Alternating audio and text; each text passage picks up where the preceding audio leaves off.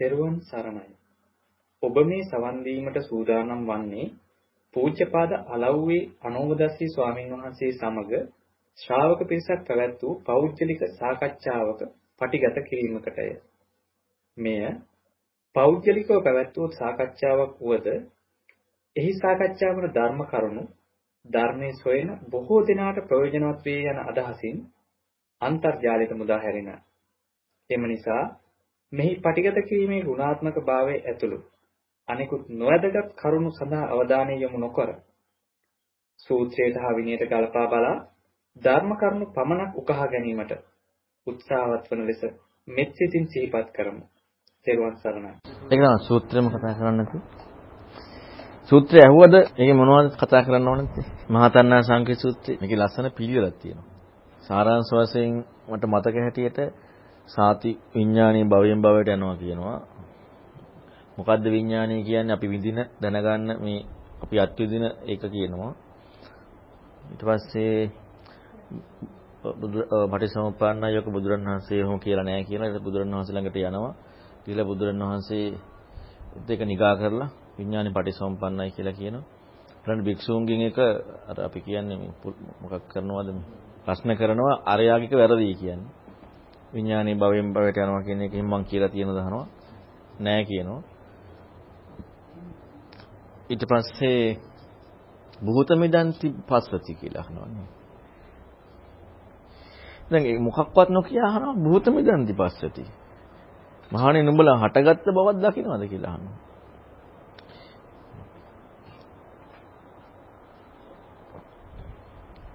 දැන් බුදුරණවහන්සේ කතා කරන්නේ මොකේද? දේශනාවක් නෙමෙයි කරන්නේ. සාකච්ඡාව. කතා කරන්නේ මොකේද? වර්තමානෙත් නේ. ඒ කියන්නේ දැන් අවස්ථාවනේ කතා කරන්නේ.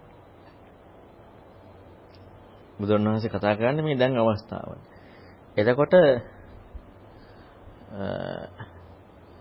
සාති කතා කරේ දැන් විදින විඥානයක් තියෙනවා. දිගටම මේ විඥානය තමයි අත්විඳින්නේ. දැන් කර්ම විපාක විඳින්නේ මේ විඥාණයෙන් කියවනේ. දැන් දැනගන්න ඒ විඥානය. එතකොට දැන් ඒ කතා කරේ සාති දැන් දැන් අත්විඳින විඥාණයටනේ. මේ පටිසමුප්පන්න බවට කතා කරේ. දැන් මම ඔකේදී ප්‍රශ්න කරා. මොකද්ද ප්‍රශ්න කරේ මතකද දන්නේ? කලින් ජීවිතේ. අපි කලින් ජීවිතය අතහරිනකොට මොකද ඒවා ගොඩක් අමාරුයිනේ. දම්රි විවේකයේදී මගේ බණ ඇහුවනේ. නැත්නම් අපි හිතමු මේ දැන් මේ එන්න කලින්. ඒ අත්විඳපු මමද නැද්ද දැන් ඉන්නේ? හ්ම්? ඒ මමනේ නෑ කිව්ව බොරුවන්නේ. නේ? ඒ අත්විඳ මමනේ දැන් ඉන්නේ. ඒ අත්තිද පමණක් දැන් ඉන්නේ සම්බන්ධයක් වෙන්න ඕනේ නැද්ද?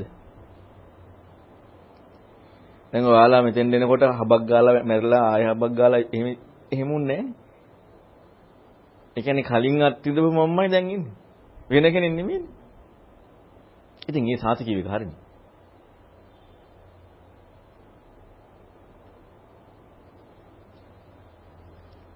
ඒ කියන්නේ මම මේකේ කතා ඇහුවේ මේ මගේ සම්බන්ධයක් නැද්ද? ඒ කියන්නේ මොනව දැන් එහෙම මොකුත් දැන් අවස්ථාවත් එක්ක මොකුත්ම නැද්ද අතීතෙ තිබ්බේ. ඉතින් නැත්තම් මන් නෙමෙයිනේ හිටිය අතීතේ. අතීතේ අපි අත්විඳින්නේ. දැන් මම අහන්නම් ඒකත් අතහරිමුකෝ. ධම්රි විකේදී දැක්ක මමද ඉන්නේ නැද්ද? ඔයාලට. ඒ මම්මනේ නේ වෙන කවුරුත් නෙමෙයිනේ අම්මනේ ඒ මම්මයි. ඉතින් ඒ මම්මනේ දැනුත් දකින්නේ. දැනුත් විඳින්නේ හඳුනගන්නේ. මේ සාති මේ ඕක දෘෂ්ටිය දෘෂ්ටිය සාතිට ආවේ නිකන් නෙමෙයි. සාතිත්ව කල්පනා කරලා ආවේ දෘෂ්ටිය. සාතිගේ තියෙන දේ තමයි අවංකයි. දෘෂ්ටිය ගලවගත්තද නැද්ද කියලා මේක සඳහන් නැහැ. අවංකයි. අවංක නිසා සාතිට ප්‍රශ්නය ඇත්තනේ. ඉතින් දැන් මේ විදින දැන් මේ අත්විදින මේ තියෙන්නේ ඒ දිගටම යන්නේ එකම විඥානයේ ක්‍රියාකාරීත්වය. තවත් ක්‍රමයකින් මම අහන්නම්. දැන් අපි හිතමු මම ධම්රිවිගේ දකින්නකොට හටගත්ත චක්කු විඥානින් දැක්කනේ. හරි. දැනුත් චක්කු විඥානින් දකින්නවානේ. දැන් ඔයාලට දැක්ක ගමන් හිතන්න ඕනේද? ආ මෙන්න මිනිස්සෙක්. ආ මෙන්න ස්වාමීන් වහන්සේ නම. ආ බෙන් අනුදස්සි ස්වාමීන් වහන්සේ. කියලා හිතන්න ඕනේද? දැන් කලින් සම්බන්ධ වෙලා නැද්ද? කලින් ඉඳලම සම්බන්ධයක් තියෙනවා නේ. ඒ සාතිත් ඕකනේ කියන්නේ. සාතිත් ඕක නෙමෙයිද කියන්නේ? සාතිත් කියන්නේ ඔයගෙම එකක් තමයි.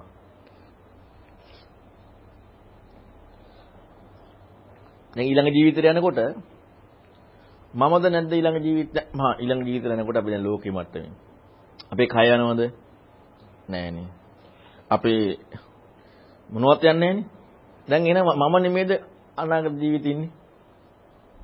අතීතේ ඉඳලා මං ආවේ නැද්ද? මගේ මුකුත් ගියෙත් නැත්තම් කයවත් කිසි දෙයක් මොකක් හරි සම්බන්ධ මම කියන දැන් අපි උදාහරණයක් ගමුකෝ මෙහෙම.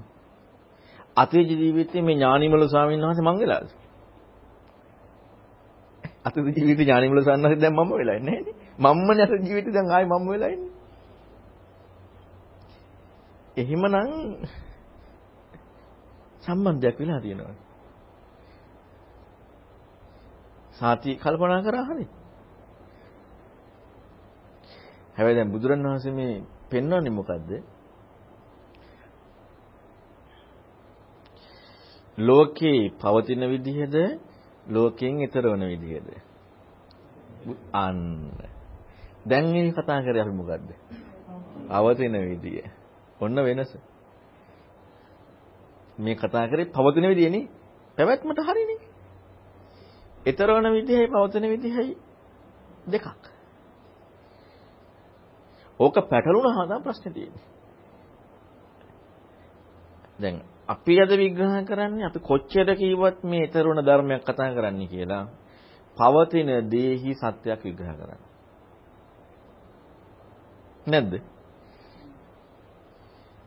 අතීත සම්බන්ධයක් නැත්තම් සම්බන්ධයක් නැත්තම් පෙර නොතිබී හට අරන් ඉතුරු නැතුව නිරුද්ධ වෙනවා. නේ? එතකොට ඒක ඉබේනේ. වචනේ නොකියුවට ඉබේ නැද්ද? වචනේ කියන්නේ ඇයි සම්බන්ධයක් නැහැ මොකටවත්. සම්බන්ධ නැතිලා.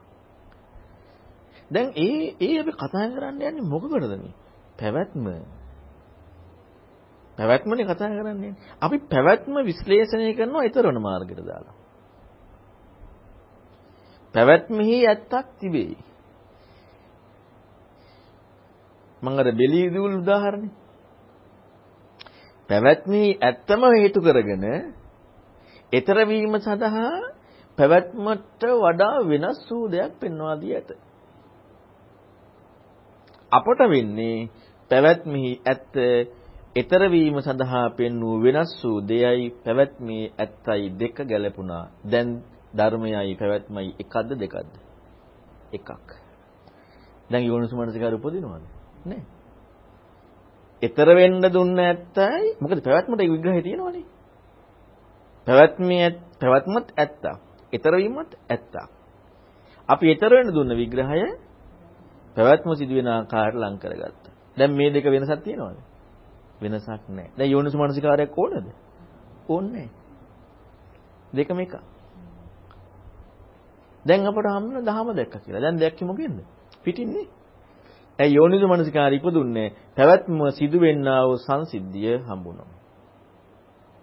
ඒකයි අර මම අර නිතරම කිව්වේ. ස්පර්ශයෙන් නම් දැක්කේ දැක්ක දේද වරදින්න ඕනේ ස්පර්ශද වරදින්න ඕනේ නැත්තේ. අපට වැරදි දැක්ක දේනේ. ස්පර්ශ නෙමෙයිනේ වැරදි. දැක්ක දේ. බුදුන් වහන්සේ ස්පර්ශනේ අවිද්‍යාවෙන් දිනවා කියන්නේ. දැක්ක දේ නෙමෙයි. දැක්ක දේ ලෝකයේ පැවැත්ම පිළිබඳ විග්‍රහ. එතකොට අපි මේ දැක්ක දේ පවතින්නේ මෙහෙමයි කියලා සත්‍යෝ ස්පර්ශයෙන් විග්‍රහ කරනවා. ඊතර වීම හම්බෙලා නැහැ. මෙන්න මේ සාතිට උනේත් ඕක. සාතිට උනේ පැවැත්මේ ඇත්තක් තියෙනවා. පැවැත්මේ ඇත්තට ලෝකෝත්තර ඊතර වෙන සත්‍ය කියපු කාරණාව මේකට සංසන්දනය කරා. යෝනිස මනසිකාරي උපදින්නේ නැහැ. සත්‍ය වූ සංසිද්ධිය දැක්කා. නේද? ඔහොම කිව්වට පස්සේ ඔන්න බුදුරන් වහන්සේ ඔය සාතිට තමයි දැන් අහන්නේ. ඔව් කියන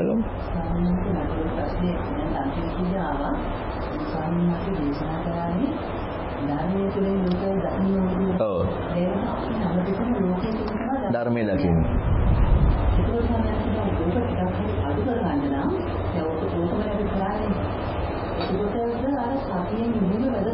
සතිය සහ යෝනිසමනසිකාරය. කියන්නේ සතිය ඇත්තටම සතිය වැදගත්කමක් තියෙනවා මෙහිම. අපිට මම අර කිව්වේ දැන් අපිට දැන් ලෝකයේ ඇත්ත විඥානික ක්‍රියාකාරීත්වයක් තියෙනවනේ. ලෝකයේ අපට ඇත්ත ඇත්තනේ අපි භවෙන් භවයට යනවා කියන එක නැද්ද? ඇත්ත. ඇත්තනේ විඥානේ මේ මේ මොකද්ද? චිත්තමස්තු විදා සිතින් අරන් යනවා කියන එක ඇත්තනේ. කීරි සුදු පාටයි කියන එක ඇත්තද බොරුද? ඇත්ත. අන්ධයට කියන එක නේ ප්‍රශ්නේ තියෙන්නේ. අන්ධයට කිරි සුදු පාටකට වැඩක් නැහැ. නමුත් කිරි සුදු පාටයි කියන එක ඇත්ත. විඥානී භවෙන් භවයට විඥාන පොට්ටමාසුට්ට කියනවා නොසිදුන විඥානයක් තියෙනවා කියලා. අන්න තීර්ථකයට. ඒ ඇත්තද බොරුවද බුදුරණස් කියන්නේ? ඇත්ත. දැන් මෙතන සාදෙට බයිනවා. වැරදි කියලා. අතන පොට්ටපාදට හරි කියනවා. සාති කරන්න යන්නේ මොකද්ද? ලෝකෝත්තර ධර්මය මේ ලෝකයේ ඇත්තට ගලපනවා. මේකත් ඇත්තනේ. වැරදි නෑනේ. මේ ඇත්තට ඊතර වෙන්න දුන්න දේ ගලපනවා. දැන් මම අර කිව්වේ බෙලි දිවුල් කරාම දැන් අපට හිතන්න දෙයක් තියනවද නැද්ද? තියෙනවනේ. ඔන්න ඔය විදිහේ මේ විග්‍රහයක් දෙන්නේ. ඇත්ත විඥානීය ක්‍රියාකාරීත්වයක් තියෙනවා. බුදුරණවහන්සේ විඥානීය පිළිබඳ විග්‍රහයක් දෙනවා. අපි කරන්නේ මේ දුන්න විඥාන විග්‍රහය මේකට දානවා. හරියට මේ වගේ. මං කිව්ව නිසා ඔයාලා අනිත් හැමෝටම කියක යනවා. මේක දිවුල් බෙලි නෙමෙයි මේක දිවුල්. මේක බෙලි නෙමෙයි මේක දිවුල් කියලා ඔයාලා අනිත් හැමෝටම කියනවා. අන්න ඒ වගේ වැඩක් කරන්නේ. කියන එක වැරදිනේ. මගේ වචනේ කොච්චර විශ්වාස කරන්නේ? බොරුවන්නේ කියන්නේ. අන්න ඒ වගේ වැඩක් කරන්නේ. මේ කියපු ධර්මය සැසඳෙන් ඉස්ලාම් වෙන්නේ සැසඳෙන් නැති බව හම්බෙන්නේ. හම්බෙන්නේ නැති නිසා සැසඳීම සඳහා හම්බ වෙනවා. දැන් මේකත් එක්ක සැසඳනවා. අපට ඊතරන බවක් හම්බ වෙනවා. මොකෙන්ද හම්බෙන්නේ? මම ඊතර වෙනවා. මං ඊතර වෙන්නේ. මං ඊතර වෙනවා කාමයෙන්. මං ඊතර වෙනවා රූපයෙන්. මං ඊතර වෙනවා සංඥාවෙන්. අපි මේ හිතන ඒ එව්ව ඒ හිතන ක්‍රම ඇත්තද බොරුද? ඇත්තනේ. මම මම මම පව් කරන එක සමාජයට වැරදි. මම පින් කරන එක සමාජයට හරි ලෝකෙත් ඇත්තනේ. වටිනවනේ. ඊට වඩා ඇත්තක් නෙමෙයිද කාමයෙන් වෙන එක? ඉතින් පුත්තජනයත් කාමයෙන් ඉන්නේ ඇත්ත ඔසේමයි. අපට හිතෙන්නේ ඕක බුදුරයන් වහන්සේ කිව්වා කියලා. රූපයෙන් ඊතර වෙන්නේ ඊට වඩා සත්‍ය නැද්ද? ඒ බොරුවක්ද ඇත්තක්ද? සම්පූර්ණයෙන් ඇත්ත. සංඥාවෙන් ඊතර වෙන එක සම්පූර්ණයෙන් ඇත්ත. ඉතින් ඒක ඇත්ත. බොරුවක් නෙමෙයි. ඇත්තටම ඊතර වෙනවා කාමයෙන්, ඇත්තටම ඊතර වෙනවා රූපයෙන්, ඇත්තටම ඊතර වෙනවා සංඥාවෙන්. කවුද? මම. ඔව්, ඒ කියන්නේ ලෝකේ මම ඉන්නවා. මේක මේක ලෝකේ පවතින ඇත්තක්. ලෝකෝත්තර නැහැ. ඒ සඳහා විශ්ලේෂණයක් තියෙනවා. ඒ විශ්ලේෂණය ඔස්සේ ඒ පැවැත්ම තියෙනවා. ඒක ලෝකයේ ඇත්ත. අපට ආවේ නැහැ මෙන්න මේ මේකින් ඈතර වෙන්න අවශ්‍ය මේ චින්තනය යොදන්න ඕන කාරණාව. යෝනිසෝ මනසිකාරය. අපි හැම වෙලෙම කැමති මොකක් හෝ දෙයකට ගැලපෙන්නනේ. නැද්ද? අපි කැමති නැද්ද විඥාණය මට තේරෙනවට? කැමති නැද්ද? විඥාණය මට තේරුණා නම් මට විඥාණය තේරෙලාම නැහැ. ඇයි? විඥානීය අවබෝධ වුණා නම් මම හරිද මං වැරදිද? මං වැරදිනේ. මං වැරදි නම් මට කොහොමද විඥානේ තේරෙන්නේ? මං වැරදි නම් මං කොහොමද මට කොහොමද විඥානේ තේරෙන්නේ? වෙන්න බෑනේ. අපි හදන්නේ මට විඥානේ තේරුම් ගන්න. මම ඉන්නේ නැද්දී හරිම විඥානේ මට හොයා ගන්න ඕනේ. සක්කාය දිට්ඨිය දුර වෙන්නේ බුදුරන් වහන්සේ මට තේරෙන විඥානයක් ලෝකේ පැවැත්මේදී කතා කරා. ඊතර වෙන්න අවශ්‍ය විග්‍රහයක් කතා කරා. හරියට බෙලි කියන එකට දිවුල් කිව්වා වගේ. මම ඒකයි උදාහරණෙම ගත්තේ මේ බෙලි කියන එකට දිවුල් කිව්වා වගේ. දැන් මොකද්ද වෙන්නේ? පවතින විග්‍රහයක් එක්ක නෙමෙයි විස්තරي හම්බුනේ. වෙන එක. හැබැයි අපිට තියෙනවා එකක්. මොකද තියෙන්නේ? ශ්‍රද්ධාව. ඔන්න ඔය ශ්‍රද්ධාව නිසා මේක දියුල් වෙන්නේ කොහොමද කියලා හිතන්න ගන්නවා. හිතනකොට මොකද වෙන්නේ? ඒ කිව්ව දියුල් හම්බෙනවද? ඒ කිව්ව දියුල් හම්බෙන්නෙත් නැහැ. මේ කිව්ව බෙලි හම්බෙන්නෙත් නැහැ. ඒ දියුලුයි මේ බෙලි දෙකම නැති වෙනවා. අර දැන් සත්‍ය විඥානීය කියන කාරණාව මට හම්බ වීමක් එන්නේ. ඔන්න දැන් ඒක මෙතන මේ විග්‍රහ කරන්නේ. උඹලා දකින් උඹලා දකින්නවද බුහත මිදන්ති පස්සතාති. දැන් මේ මොකටද කතා කරන්නේ? දැන් වර්තමානයේට. හටගත් දෙයක් කියලා දකින්නවද? දකින්නවා කියනවා. අදාහාර සම්භවಂತಿ ආහාරයෙන් හටගත්ත කියලා දකින්නවද? දැන්. මේක දෙකක් දෙකක්ද?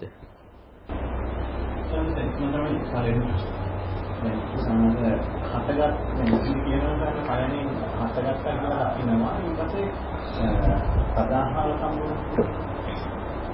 එතනදී කියන්නේ ආහාර පත්‍ය කියන එකත් එතන තේදීම ඔව්.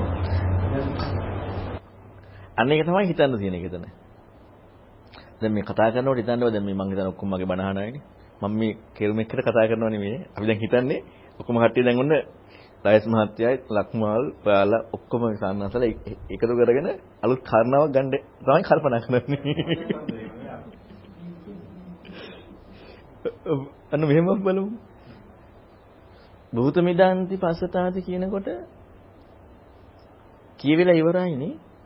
හටගත්තා කියලානේ. හටගත්තා. ඒ කියන්නේ දැන් ඔබ දකින්නවද හටගත්තා කියලා අහනවා. දකින්නවා කියනවා. ආහාර ප්‍රත්‍යයෙන් හටගත්ත කියලා දකින්නවා දාන්න. එතකොට එහෙනම් හටගත්ත දේ හටගත්ත කියනට අපි මෙහිම දැන් අද්දගෙම දැන් ඔයාලට ඔන්න එක්ක 90 වන්නස්සේ පේනවා. දැන් අද්දගෙම. නැත්නම් 90 වන්න කටහඬ ඇහෙනවා. ඔකනේ. දැන් හටගත්ත කියන්නේ ඒක. මේ හම්බ වෙන්නේ පැවැත්මක්ද නැද්ද? පැවැත්මන්නේ. පැවැත්මක් හම්බ මේ පැවැත්ම හටගත්ත දෙයක් කියලා දැක්කද අහනවා. මේ පැවැත්මට මේ පැවැත්ම හටගත්ත දෙයක්ද කියලා දැක්කද අහනවා. ඔන්න ඔකයි අහන්නේ. දැන් අපට දැක්කේ නැතුව හටගත්ත දෙක හිතන්න නෙවෙයි නැත්තේ. ඔන්න මේක දැක්කද කියලා අහන්නේ මේ පැවැත්ම. මේ දැන් දැන් මේ දැන් දැන් පැවැත්ම හටගත්ත දෙයක්. ආහාර හතර විග්‍රහ කරන්නේ මොකක් එක්කද? භූතානං වා සත්තානං තිතියා සම්භවේසීනා. ඒකනේ කතා කරන්නේ. හටගත්ත හට ගැනීමටත් පැවැත්මට. දැන් ඉතින් දැන් මේ දැන් කතා කරන්නේ. දැන් මේක පැවැත්මක් නේද? මේ පැවැත්මක්නේ. හටගත්ත දෙයක්නේ. මේ දැන් මොක ප්‍රත්‍යෙන්නේ? ආහාර. නෑ දැන් එතන තියෙන්නේ ආහාර. ආහාරයි. පැවැත්ම දැන් හම්බුනේ පැවැත්මක්නේ හම්බුනේ. ආහාර කෘත්‍ය කියන්නේ මොකද්ද? ආහාර කෘත්‍ය. පැවැත්මයි හට ගන්නටයි. ඕකනේ ආහාර කෘත්‍යය. දැන් අපට ආහාරයේ කෘත්‍යය. ආහාරයේ කෘත්‍යය හම්බෙලා. එතකොට හටගත්ත දැක්ක දහන ආහාරයෙන් දැන් බලන්න ඕන ඔන්න එහෙනම් මේ තියෙන්නේ හට ගැනීම. දැන් අනුදස්වානහසේ කටහඬ ඇහෙන්නේ. පේන්නේ. මොකක්ද ආහාර? කබලින්කර ආහාර, මනෝසංචේතන ආහාර, විඥාන ආහාර, පස්ස ආහාර. මේ මොකද්ද? පැවැත්මක් ඈ. මොකද්ද මේ? පැවැත්මක්. ඔන්න එතකොට මූලිකවම කතා කරන දේ මොකකටද මේ? පැවැත්මක්. ආහාර හතරේ කෘත්‍ය පැවැත්මකට හට ගැනීමකට. වචනෙත් දාලා තියෙනවා සත්තානං කියලානේ. දුක හට ගන්න එකට සත්තානං කියලා දානවද? පරිසම්පාදිත කියන්නේ? දුක්ඛස සමුදය හෝසි දුක්ඛස නිරෝධෝ හෝති. ඒකනේ කතා කරන්නේ. පරිසම්පාද කතා කරන්නේ සත්‍යයගේ හට ගැනීම කියලාද? දුක්ඛස සමුදය දුක්ඛස නිරෝධෝ කියලාද? දුක්ඛස සමුදය දුක්ඛස නිරෝධෝ. සත්‍යයයි කතා කරන්නේ. ආහාර කතා කරන්නේ. සත්‍යයගේ ඔන්න වෙනසක් තියෙනවානේ. සත්‍යයගේ හට ගැනීමටත් සත්‍යයගේ පැවැත්මට දැන් මොකද්ද ආවේ? දැන් දැන් ඔයාලට මාව ගෝචරයි නේ දැන් වෙන්වීම ගත්තොත් ඔය ඔයාගේ පැවැත්මක් තියෙනවනේ. ওই පැවැත්ම තියෙන්නේ විඥාන ආහාරය. ආහාරයක් ඈ. මේක ආහාරයක්. විඥාන ආහාරයක් කියන එකයි මේ කතා කරන්නේ. විඥානය කියන එක නෙමෙයි නේ. විඥාන ආහාරයක් කියන්නේ. ස්පර්ශ ආහාරයක් කියන එක කතා කරන්නේ. ස්පර්ශය කියන එක නෙමෙයි කතා කරන්නේ ස්පර්ශ ආහාරයක් කියන එක. දැන් අපි ලෝකේ වචනෙන් ගත්තොත් කනකොට කෑම නිසා පවතිනවනේ අපි. කෑම නිසා අපි පවතිනවා. කෑම තිබ්බට අපි පවතිනවද? නෑනේ. කෑම නිසා අපි පවතිනවා. බත් ටික තිබ්බම පිණිවිලා යන්නේ. අපි පවතින්නේ නෑනේ ඒකට. ඒක ඒක ගත්තාම ආ අපේ පැවැත්මක් තියෙනවා. නැත්තම් නෑ. කුණු වෙලා යනවා ඒක. එතකොට ආහාරයේදී හම්බුණ අපේ පැවැත්මන්නේ. හැබැයි දැන් ওই ආහාරයේ පැවැත්මට තව හේතු ටිකක් කියනවා ඊට පස්සේ. ඊට පස්සේ කියනවා මෙතනදී අපි මේ මේ පරියායෙන් විතර කතා කරොත් දැන් ගන්න ඔබ ඔබ දන්නවද අහනවා ආහාරයෙන් හටගත්තා. දැන් ඔන්න අපි අර ඔක්කොම ටික අමතක කරනවද? මොකද්ද? පටිසමුපාදයෙන් සකස් වෙච්ච මෙවුවා. පංචපාස්කන්ධය කියනවා මෙවුවා. ආයතන කියනවා ඔක්කොම අමතක කරන්න. දැන් අමතක කරලා බලන්න දැන් අපේ අවස්ථාව හටගත්තා. මේ හටගත්ත බව. දැන් ඔයාලට ගෝචර විඥාන බවක් නෙමෙයිනේ. අනුදස්වානන්සේ කටහඬ නේද? විඥාන බවද්ද ගෝචර අනුදස්වානන්සේ කටහඬද? කටහඬ. විඥාන බවද්ද ගෝචර අනුදස්වානන්සේ පේනවද? අනුදස්වානන්සේ. ඒ පැවැත්ම හටගත්ත දෙයන්නේ. ඒ පැවැත්ම හටගත්තේ ඇයි? අන්න ආහාර. විඥාන ආහාර. විඥාන ආහාරයක් ඈ.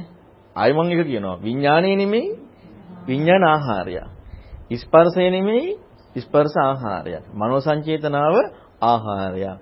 පස් කබලින්කාර ආහාරයක්. දැන් මේ අපේ පැවැත්මේදී අපි මේක මේ මොකක්ද? දැන් අපට සාමාන්‍ය විඥානීය ස්පර්ශය නම් හරි වගේ නේ ටිකක් තේරෙනවනේ. විඥානීය ස්පර්ශය කියන එකද විඥානික කියන්නේ විඥාන ආහාරයක් තියෙනවා ආහාරයක් හැටියට. ස්පර්ශය ආහාරයක් හැටියට තියෙනවා. දැන් අපට ස්පර්ශ සමුදයක් හම්බෙලාද? නෑ. නිරෝධයක් හම්බෙලාද? නෑ. විඥාන සමුදයක් හම්බෙලාද? දැන් මේ පැවැත්මක් නේ හම්බෙන්නේ නේ. ඔව්. විඥාන සමුදයක් හම්බෙන්නේ ස්පර්ශ සමුදයක් හම්බෙන්නේ දැන් පැවැත්මක් හම්බෙලා තියෙනවා. ඊට පස්සේ මනෝ සංචේතනාව. ඒකත් හරින් තේරෙනවනේ. දැන් අපි මනස මුල් කරන් හම්බෙච්ච කරණාවක් එක්කනේ. මනෝ සංචේතනාවක් එක්කනේ තියෙන්නේ. ඒකත් හරිනේ. එතකොට අනිත් එකත් පොඩ්ඩක් ඒ විදිහට පොඩ්ඩක් බලන්න මේ මොන හරි තව එකක් අලුත් දැන් නැද්ද කියලා.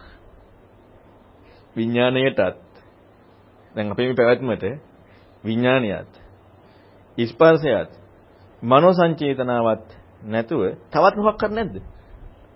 තවත් මොකක් කර තියෙනවනේ.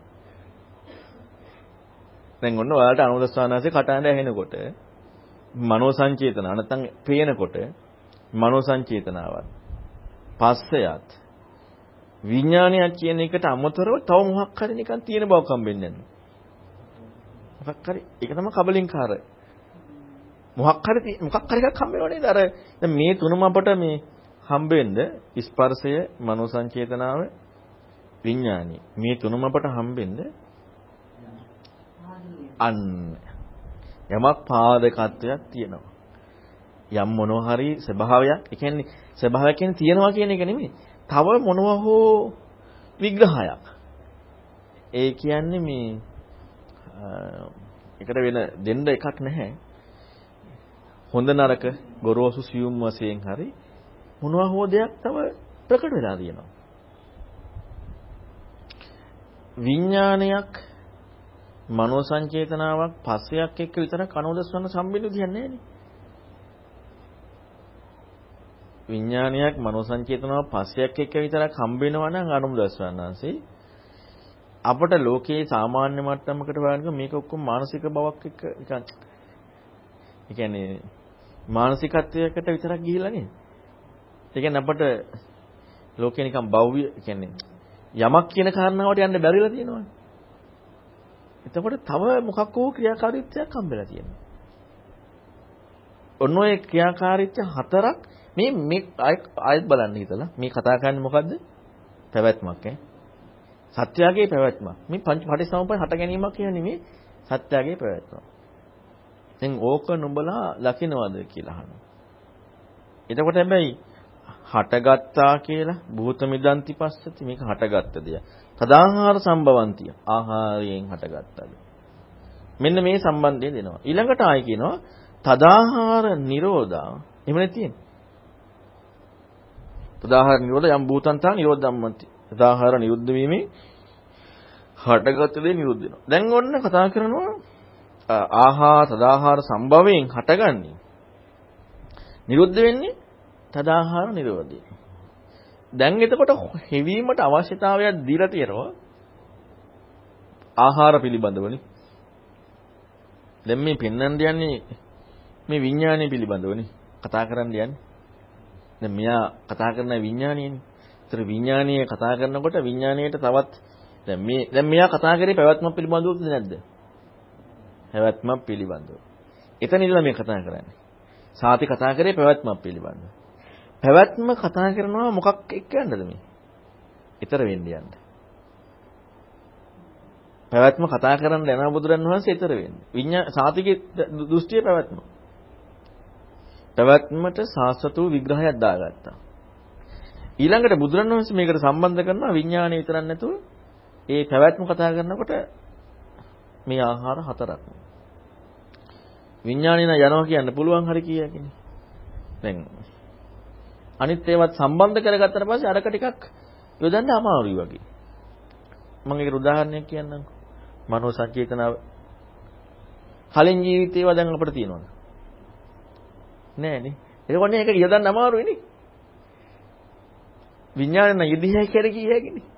අරක ටිකක් යොදන්න අමාරුයි. ඒකෝට මේ හතරම සම්බන්ධ කරා. හතරම සම්බන්ධ කරලා බුදුරණවහන්සේ විඥානය කතා කරනවා. ඒත් කතා කරන්නේ මොකද්ද? සාතිට හම්බෙච්ච පැවැත්ම. ඊළඟට මේ ආහාර නිරෝධයෙන් දැන් ආහාරයෙන් හටගත් ඒ කියන්නේ ඔයාලට අනෝදස්සනanse පේන්නේ ආහාර සමුදය. අනෝදස්සනanse පේන කාරණාව අනෝදස්සනanse කියන කාරණාව අතහැරලා හටගත්ත බවක් කියන එක හම්බෙන්න ඕන. ඒක තව එකක් ඈ.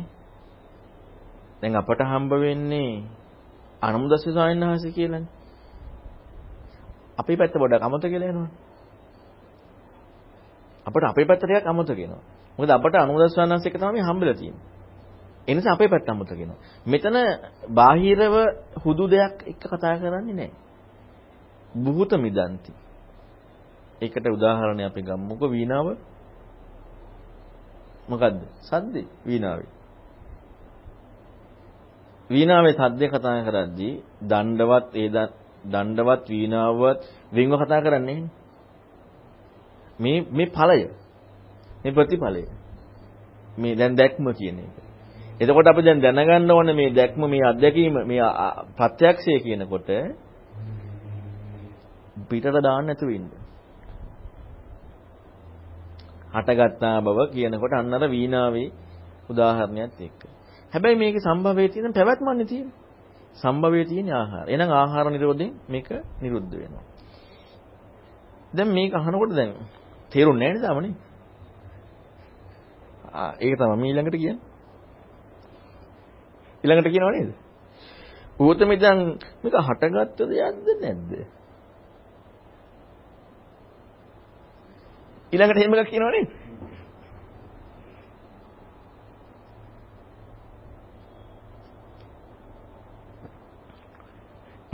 මේ ඊළඟ ඊළඟ කාරණාව කියන්නේ? බුත මෙදන් නොසුසති වික්කවේ කංකතෝ මේක හටගත්ත දෙයක්ද නැද්ද? උපදින විචිකිච්ඡා. ඒ විචිකිච්ඡාව නේ ඉපදින්නේ එහෙමයි ස්වාමීනි කියන්නේ.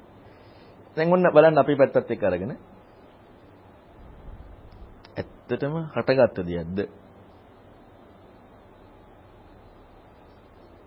හොඳට හිතන්න? ඇත්තටම හටගත්ත දෙයක්ද?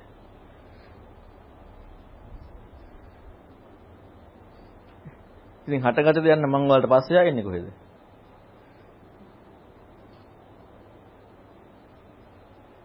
දැන් දැන් මේ අත්දැකීම කියන එක හටගත්ත දෙයක් නෑ. වලට පස්සේ යන්නේ කොහොමද? කලින් අත්දැකීම මොකද්ද? කලින් වල අත්දැකීම මොකද්ද? කලින් අනුදස් ශාන්තුරු දැක්ක නැද්ද ධම්රිවි කියන්නේ? ඈ? දැක්කනේ? දැනුත් දකින්නවනේ. ආයෙත් આવුත් දකින්නේ නැද්ද? දැන් සදාහාර නිරෝධය නිරුද්ධ වුණාද? හටගත්තද? ඇත්තම හටගත්ත දෙයක්ද? ප්‍රශ්නයක් නැද්ද? අවංක බලන්න අවංක වෙන ඇතුළට. ඇතුළට අවංක කියලා බලන්න. ඇත්තටම හටගත්ත දෙයක්. හිතන්න එපා ඈ. හටගත් දෙයක් කියලා හිතලා දාන්න එපා. ඇත්තටම හටගත්ත දෙයක්ද? නැද්ද? අවංක වලට ප්‍රශ්නේ නැද්ද බලන්න. අවංක වලට ප්‍රශ්නේ. බුදුරණන් කියන හටගත්ත දෙයක් කියලා. අවංකව ඇත්තටම හටගත්ත දෙයක්ද? ඈ? ඔව්. අන්න එක දිවුල්ද පිළිද වගේ තමයි. දෙන්නේ කියන දේ තමයි අපි මොකද මේ කිව්ව ඇත්තයි කියලා ඔන්න ඒක එනවා. අන්න එකයි දැන් දැන් මම අර මුලින් කතා කරන්නකොට පොඩි සතුටක් ආවේ නැද්ද? හතගද දෙයක්ද කියනකොට පුංචි මේකක් ආවනේ. ඇයි? අන්න අර තියෙනවා මේ විශ්වාසය. විශ්වාසයක් තියෙනවා. හැබැයි දැන් අත්දැකීම ලං කරලා බලනකොට ප්‍රශ්නයක්. නේ? අර විශ්වාසය තියෙනවා බුදුරණවහන්සේ කෙරෙහි. අත්දැකීම ලං කරලා බලනකොට ප්‍රශ්නයක්. ඔන්න ඔතෙන්ද එන්න අමාරුකමක් තියෙනවා. ඔතෙන් ආවනම් අපටත් මේ ප්‍රශ්නේ එන්න ඕනේ. හරියට මොකද්ද? ඇත්තද මේක හටගත්ත දෙයක්ද නැද්ද කියන එක. ඔය කුකුච්චේ කියන කාරණා අපට මතුවෙන්නට ඕන. අපට මතුවුන් නැත්තම් මතුන් නැත්තේ ඇයි? දෙවුල් බෙලිමයි. වෙන මොකුත් නෙමෙයි. අර තිබෙ බෙලි නෙමෙයි, ඒ දිවුල්මයි. විචිකිච්ඡාවක් එනවද? නෑ නේ. දන්නේ එන්න ඉඩ නෑ. හම්බෙන්න ඉඩ නෑ. ඇයි හම්බෙන්න ඉඩ නැත්තේ? ඇත්තටයි නැතුව අර කියපු කාරණාව අත්දැකීමට ලේබල් කරගත්තා. ඒකයි හැම වෙලෙම බලන්න ඕනේ මේ දැන් මේව වචනද නැද්ද? ආ මේකෙන් අර්ථයක් දුන්නනේ. දැන් අපි මේ ඔක්කොම අතහැරමුකෝ මම දැන් අපේ වචන වලින් මම පොඩ්ඩක් කියන්නම්කෝ. දැන් ඔන්න අර භූත මිදන් අදාළ අදාළ නේ. දැන් අනමුදස්චානanse පේනවා බවක් නේ? ආ. දැන් ඕකට ඔන්න මේක අන පෙනීමක් කියලා දාවේ නැත්තම් අනුදස්සනාසිමද හිටියේ දැන් අනුදස්සනාසිම නේද හිටියේ? ඊළඟට දැන් ගෙදර ඉඳලා මටද පේනෝනේ? ඔව්නේ. ඔය ඔය වගේ සරලයි මේ. අන්න ඒවා එක ගෙදර ඉඳලා මට නෙමෙයිද මේ පේනෝනේ? හම්බුනේ? ඒ මට නෙමෙයිද? රජයට නෙමෙයිද මේ හම්බුනේ? මටමයි හම්බුනේ. හැබැයි එහෙම නෙමෙයි කියනවා. මොකද්ද කියන්නේ? එහෙම එකක් නෙමෙයි හටගත් එකක් කියන්නේ. දැන් අධ්‍යක්ීම ගත්තොත් එහෙම එකක්. අර වචන ටික අතහැරලා දාමු විඥාන නාම රූප මේ ආහාර කබලින්කාර ආහාර පස්ස ඔය ටික වචන ටික අතහැරලා අපි මේ සාමාන්‍ය අධ්‍යක්ීමකට ගත්තොත් එතකොට මේ අපිට මේ කතා කරන්නේ අන්න ඒක. දැන් අපි අපේ අපේ ලෝකේ අප වචන වලින් කතා කරනවා වගේ දැන් මේ අපට ආවේ දැන් මේ මම හිතපු ඒ කියන්නේ මම හිතපු මම නෙමෙයිද මේ දැක්කේ. ඒ කියන්නේ ඇත්තටම මේ මේ දැන් හටගත්තද මේ? මේ හටගත්තද නේ? හැබැයි කියනවා කවුද? බුදුරයන් වහන්සේ. එතකොට මොකක්ද දෙන්නේ? අන්න විචිකිච්ඡා වෙනවා. ඇයි විචිකිච්ඡා වෙන්නේ? සත්‍යයක් කියන නිසා. සත්‍යයක් කියනවා. නමුත් අත්දැකීම එක්ක බලනකොට එන්නේ නැහැ ඒක. හටගත්ත බවක් කියලා එන්නේ නැහැ. අපි හැම වෙලේම අර අයින් කරන බවකට ඉන්නේ. මම ඒකනේ කිව්වේ අද කිව්වේ ධම් ටිවියේදී බෞද්ධ ධර්මයේ දන්න විදර්ශනා කරන අයට වැඩින්නේ මොකක් කියලාද? අසඤ්ඤය කියලා. අයින් වෙන්නේ මොකද්ද? සංඥාවද නැද්ද? සංඥාවනේ අයින් වෙන්නේ. ඒ හිතන ක්‍රමෙන් අයින් වෙන්නේ දැන් මෙතනදී අවංක ප්‍රශ්නයක් එනවද නැද්ද? සංඥාවක් අයින් වෙනවද? අවංක ප්‍රශ්නයක් එනවද? අවංක ප්‍රශ්නයක් එනවා. දැන් අපට අයින් කරන්න දෙයක් නැහැ. මොකද්ද? මේ හටගත් එකක් කියනවා. දැන් මේ අනුදස්සානස කියන එක හටගත් එකක් කියනවා. ඒක ආහාරයෙන් හටගත්තා කියනවා. ආහාර තමයි නැති වෙනවා කියනවා. නමුත් අවංකව දැන් හටගත්ත කොහෙද? මටනේ දැන් පේන්නේ. මමනේ. දැන් කලින් මම ආව මම නෙමෙයි. මේ හිතේ අනුදස්සානසෙන්. හටගත්ත කියන්නේ කොහෙද? ඒකෙන්නේ ඔන්න අවංකත්වයට ගියාම මොකද මේ ප්‍රත්‍යක්ෂයට? ඔන්න කුක්කුච්චිය මතුවෙනවා. ඔන්න කුක්කුච්චි මතුවෙනවා. දැන් මේක විචිකිච්ඡාව. ඊළඟට ආහාර සමුදයෙන් හට ගන්නවද? ආහාර නිරෝධයෙන් නිරුද්ධ වෙනවද? කුකුච්චන් නේද කියලා අහනවා. මේ අහන්නේ කාගෙන්ද? අනේ අර බුදුරණවහන්සේ භික්ෂුන්ට අවවාද කර අර හිටපු හොඳ භික්ෂුන්ගෙන්. නේ? හොඳ භික්ෂුන්ගෙන් අහන්නේ. ඊළඟට අහනවා මෙහිම අහනවා. භූත මිදන්ති බික් ඔන්න බලන්න මේක. දැන් ඔන්න අපට ඔය දේ නැති වුණත් එන්න ඉඩ තියෙනවා කියලා හිතන්නකො. නේ? හරියට බලොත් ඒක එන්නේ නැද්ද? හරියට බලොත් එනවනේ. විචිකිච්ඡාව කියන එක. දැන් හටගත්ත දෙයයිද නැද්ද කියන කාරණාවේදී දැන් ප්‍රත්‍යක්ෂ වූ කාරණාව. අපි හොඳට මතක තියාගන්න මම අර කිව්වේ භාෂාව තාත්වික වෙන්න ඕනේ කියලා. අපිට භාෂාව තාත්වික නොවුනහම මොකද වෙන්නේ? අනිත් අතෙන්ද ආහාර විඥාන නාම රූප මේවා දාගත්තට පස්සේ අලුත් දෙයක් නිසා මේ අත්දැකීම කියන කාරණාව නෙමෙයි යන්නේ. ඒකයි මම අර දැන් අපේ වචන ටිකකින් කිව්වේ. දැන් මේ අත්දැකීම කියන එක. එහෙම ගත්තාම මේ කියපු කාරණාව ඔස්සේ අන්න විචිකිච්ඡාවක් උපදිනවා. දැන් මොකද කරන්නේ? ඔන්න ඔය කාරණාව හටගත්තා කියන්නේ කොහොමද? දැන් විඥාන ගැන හිතන්න එපා. නම් සලආයතන ගැන හිතන්න එපා. කබලින්කාර ආහාර ගැන හිතන්න එපා. මනෝසංචේතන ගැන හිතන්න එපා. නිකන් හිතන්නේ පළවෙනි එක භූත මිදන්ති කියන්නේ. හටගත්තා. හටගත්තාද මට හම්බුණාද? ඔන්න දැන් මේක හිතන හිතන්න දැන් එකක් හම්බෙනවනේ. හිතන්න එකක් හම්බෙනවා. ඔන්න ඕක හිතන්න ඉස්සල්ලාම යොමු වෙන්නට ඕන. ඕක හිතීම තමයි මේක ඇසීමේදී සිදුවෙන පළවෙනිම කාරණාව. ඊළඟට දැන් මේකත් හිතන්නකෝ. භූත මිදම් මික්ක අතහබතන් සම්මප්පඤ්ඤය පසතෝ සා විචිකිච්ඡා සා පහියති. සා පහියති. හටගන්න දේ ඒ ආකාරයෙන් මනා ප්‍රඥාවෙන් දකිනකොට විචිකිච්ඡා ප්‍රහාණය වෙනව නේද අහනවා. දැන් ඔන්න මේ කතා කරන්නේ කාටද? මේ සද්ධාවත් එක්ක අන්නේ භික්ෂුවට. එතකොට අවංකවම දැන් අපි අපි ගැන බලන්නකෝ දැන්. දැන් අපට ඔන්න අවංකවම බැලුවොත් එහෙම අපට දැන් හටගත් බාහිරට දාන්න එපා. මම එක්කම බලන්න. හටගත්තා කියන එක පිළිබඳ විචිකිච්ඡාවක් උපදින්න ඉඩක් නැද්ද? දැන් හිතන්න. ඕක ඒ විදිහට දැක්කොත් බුදුරණවහන්සේ කිව්ව දේ. ඔය විචිකිච්ඡාව තියෙයිද කියලා අහනවා. නෑ නේ. අන්න ඒ විචිකිච්ඡාව නෑ කියනවා. ඒ විදිහටම හතරටම කියනවා. භූතමිදම් බික්කවේ ඉතිපි වෝ අන්න එතකොට හටගත දෙයක්කන දකිනකොට විචිකිච්ඡාව ප්‍රහාණය වෙනවා නේද අහනවා. ප්‍රහාණය වුණා කියනවා. භූතමිදම් බික්කවේ අතාබ සමපඤ්ඤය සුදිත්තං එවම් බන්ති හටගත්ත මනාව දකින්නවා දහනවා. ඔව් දකින්නවා කියනවා. දැන් අර විචිකිච්ඡා කතන්දරේ නෑ. දැන් දකින්නවා. විචිකිච්ඡා ප්‍රහාණය වුණා. ආහාර සම්බන්ධයෙන් හටගත්ත කියන එකත් දකිනවා. ඔන්න ඊළඟට කියන කාරණාව.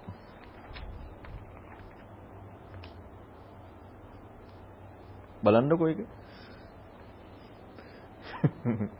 ඔක අපට දැන් දැන් මම මං ඉස්සලා කියන්නේ අපට භූත මිදන් කියන එකයි භූත මිදන් නොසුසුති බික්කවේ කංකෝට කියන එකයි ආවනම් හරි ඉස්සලාමේ.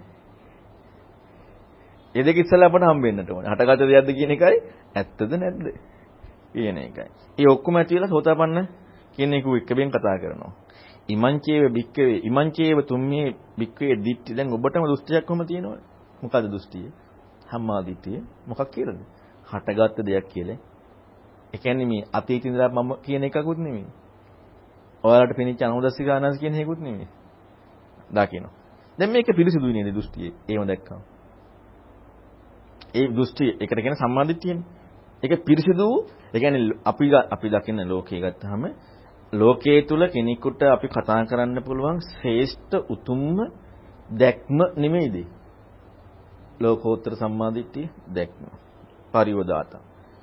යම් කිසි කෙනෙක් ඕක අල්ලගෙන ක්‍රීඩාවක් හැටියට දානයක් හැටියට මම කරගෙන ඉන්නවනම් ගැළපෙනවද මහණෙනි මම මේ පහුරකට දේශනා කරපු ධර්මේ නෑ කියනවා.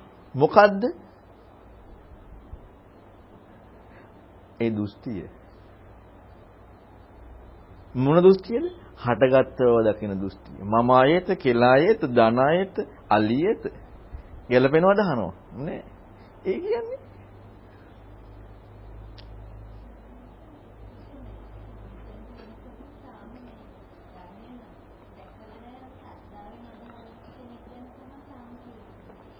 මේ ටික දැක්ක ගැන කතා කරනවානේ. මේ උඩ ටිකේ. දැන් ඔබේ දෘෂ්ටිය කියලා කියනවනේ. පිරිසුදු දෘෂ්ටිය. ඉමංච තුම්මේ වික්කවේ දිට්ඨින් පරිසුද්ධම් පරියෝදාතම්. නෑ ඒ ඒක තමයි අර ඒ ස්වභාවය ඉස්මතු කරන්නේ. ඒ කියන්නේ දැන් එයාගේ එයාගෙම නිහන්නේ දැන් මේ දැන් මේක ආයි අපි මතක තියාගන්න ඕනේ මේ මේ කතා කරන්නේ සාතිත් එක්ක කියන එක. එතකොට සාති සෙල්ලම් කරන්න ගියේ ඔය දෘෂ්ටියක් නැතුවනේ. එතකොට දැන් මේ භික්ෂූන්ගෙන් අහන්නේ භික්ෂූන්ගෙන් අහන සුදුසුද කියලා. නෑ කියනවා. ඊළඟට අහනවා සුදුසු නෑ. ඊළඟට මේ ඒ කරුණු හතර ඔක්කොම ටික කියලා ඉවර වෙලා ඒ කියන්නේ අර දැන් අරකේ සම්පූර්ණ විස්තරය කියලා ඉවර වෙලා ඔය ඔබ දකින කාරණාව මේකද කියලා අහනවා. සාස්ත්‍රුන් වහන්සේ ගරුත් වෙන්න නැද්ද කියලා මේ විස්තරය කරලා ඉවරලානේ අහන්නේ සේරම. ඒ කියන්නේ දැන් මේ මේ දැක්මදී මේ මේ කරුණු ඔක්කොම සිද්ධ වෙලා තියෙනවා. හැබැයි මෙතන මේ ඔවුන් දකිනවා කියන දෘෂ්ටිය හටගත දෙයක් බව දකිනවා. දකිනකොට ආහාර සම්භවයෙන් කියනකොට මේ ආහාර සම්භවයේ මේ කාරණාවත් එයාලා දකිනවා. ඊළඟට ඒක විග්‍රහ කරන්න යනවා. දැන් මේ කතා කරන්නේ සාතිත. එතකොට දැන් සාතිත්‍ර නිගා කරමින් යන විග්‍රහයක්. එතකොට දැන් සාතිත මේක කුළු ගන්නමින් යන විග්‍රහයක්. එතකොට සාමාන්‍ය සමස්තයක් හැටියට සිද්ධාන්ත විග්‍රහයක් කරනවා කියන තැනට ගන්න හොඳ නැහැ. සාතිත්‍ර ගරහමින් යන විග්‍රහයක් තියෙනවා. එතකොට දැන් මේතනදී කතා කරන්නේ මේ පිරිසුදු දෘෂ්ටිය ගැන. ඒකත් ඔබ ගන්න එක සුදුසු නෑ නේද කියලා අහන්නේ. සාතිරේ මේ කියන්නේ. සම්පූර්ණයෙන් අපි අනිත් වික්ෂුන් ඉන්න පැත්තෙන් මල්ලා ආන ඒ සාතිගේ පැත්තට දාලා මන්නේ වැඩි. එනේ සාතිනේ වෙන තැනක. ඔව්. දැන් සාතිතේ ගුරුවරයන් යන්නේ අනිත් වික්ෂුන්ගේ ප්‍රශ්න කරලා. අන්න හරි. නමුත් ඒ වික්ෂුන් දන්නවා. ඔව්. ඔව් ඒ මිනිස්සු ඒ භික්ෂුන් දන්නවා කියන්නේ දැන් මේ මේ මේ මේ කියන කාරණාවද අපට ඒකාන්තයෙන් මුලින් ඉඳන්ම සෝතාපන්නයි කියලා කියන්න බෑ. මේ විග්‍රහය යනකොට මේ විග්‍රහය සිදුවෙන සංසිද්ධිය සෝතාපන්න බව. සමහර ලාවට මෙහෙම වෙන්නත් පුළුවන්. මේක ප්‍රතිපදාව හැටියට ඒ භික්ෂුන්ගෙන් කුළු ගන්නව වෙන්නත් පුළුවන්. ඒ කියන්නේ මේ සත්‍යයක්නේ භික්ෂුවට දැන් මේ විග්‍රහ කරලා පෙන්නන්නේ. ඒ නිසා යාලා යමක යනවා ප්‍රතිපදාව යනවා කියන එක නෙමෙයි සමහර ලාවට යාලට ප්‍රතිපදාව කතා කරමින් අර සාතින කුළු මේ හේතු ගන්නව වෙන්නත් පුළුවන්. නමුත් මේකෙදි මේ කතා කරන තැනදී ඒ ඒ බවක් කුළු ගැනීමකුත් තියෙනවා. දෙකෙන් ඕන දෙයක් අපිට ගන්න පුළුවන්. මොකද සාතිටත් එක්කනේ මේක සාති සාතිව මේව කරන්නේ මේ ඔක්කොම කියන්නේ.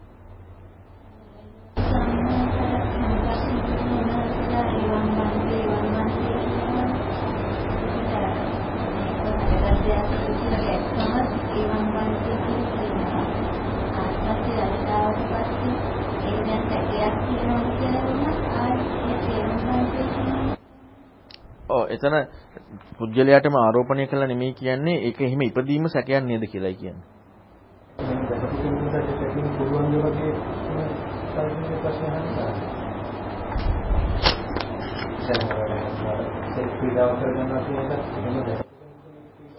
හරි ඒක හරි. එහෙම වෙන්නේ නැහැ කියලා මෙතන කියන්න යන්නේ. ඒ කියන එක තමයි මෙතන කියන්නේ. නෑ මෙතනදී අර සැකය කියන කාරණාව දැන් මේ ප්‍රතිපදාකට ගනින්දි මේක කියනකොට ඒක එහෙම වෙන්න පුළුවන් නේද කියලා අහන්නේ. ඔබට තියෙනවට වඩා ඒ කෙනාට. දැන් තව එකක් මේක ඉස්මතු වෙනවා. මම අර කිව්වේ මේ උදාහරණේ මේ ලක්මාල්ගේ කාර් එකයි මගේ ජිප් එකයි. ලක්මාල්ගේ කාර් එකට හිතෙන්නේ ආන් 90 ජිප් එක කියලා. ජිප් එකට හිතෙන්නේ ආ ලක්මාල්ගේ කාර් එක කියලා. එතකොට මේ බවක් හම්බෙලා නැහැ. එතකොට අනේ මේ සාන්නහන්සලා උඹලා සෝතාපන්නයිද කියලා කතා කරන්න අවශ්‍ය නැහැ. නේ? එතකොට මේ කතා කරගෙන යන පරියායකට කතා කරා නම් ඒත් ඇතිනේ. ඔව්. අරකේ දෙන්නේ නැහැ. කියන්නේ ඒ පුජ්‍යලයට ඒ කියන්නේ ඇත්තටම පුජ්‍යලයේ ආරෝපණය කියන කාරණාව අවශ්‍යතාවයක් නැති වෙනවා. ධර්ම ස්වභාවයක් කතා කරගෙන යෑමක් විතරකුත් ඒත් හරි. එතකොට දැන් දැන් මෙතන මේ කතා කරන්නේ ඇත්තරම සෝතාපන්න වෙච්ච කෙනාගේ එකයි. අල්ලියත කියලායි තමයි ඒක කියන්නේ. සම්මාදිට්ඨිය. එතකොට දැන් බලමු ඒක ඒ කියන්නේ මේ මේ වචන ටික ක්‍රීඩාවක් මම කරගෙන අල්ලගෙන ධානයක් කරගෙන අපි දකින්න දේ අපට ධානයක්ද නැද්ද? වස්තුවක් නෙමෙයිද? එතකොට මොකද්ද නැහැ කියන්නේ? ආ ඊතර වෙන්න කියප එක නෙමෙයි කියනවා. නේ? ඊතරණ කියව එක නෙමෙයි නිතරණත් ආයි කියනවා. ඒක ඒක ඔව් පහෝරක් වෙච්ච එක නෙමෙයි කියනවා. ධනයක් වුණා නම් ඒක මම වුණා නම් ආ ඒක ඊතර වෙන්න කියව එක නෙමෙයි කියනවා. කෙලෙ ආයත කියන්නේ සෙල්ලමක් කියන්නේ. සෙල්ලම් කරනකොට අපට නිකන් අමුතු වින්දනයක් නේද දෙන්නේ. සෙල්ලමක් කරනකොට සැපයක්. අමුතු දෙයක් කියනවනේ සෙල්ලමක් කරනවා. සෙල්ලම කියන එක මේකට බුදුරණාහි නිකන් මේ වචන දෙන්නේ නැහනේ. දැන් බෝලයක් අරන් ගහනවා වගේ ගන්න නෙමෙයිනේ ධර්මයේ කියන එකනේ. මේ දුස්තියට කියන්නේ. සෙල්ලමක් කියන්නේ නිකන් අර මම දැන් අපි හිතමු ගේම් එකක් ගහනවා කියලා. පොඩි අමුතු වින්දනයක් තියෙනවනේ. නැත්නම් අපි හිතමු මොකක් හරි එකක් කරනවා කියලා අමුතු වින්දනයක් තියෙනවනේ. ඒක අපි අල්ලගෙන ඉනවා මේ වින්දනේ. දැන් ලකුණු ගන්නකොට හරි මොනවට හරි සතුට විඳිනවා. ඔන්න අනම්දස් වන්නද කටහඬ යනවා ස්පර්ශය. දැන් මේක සෙල්ලමක් කරගෙන.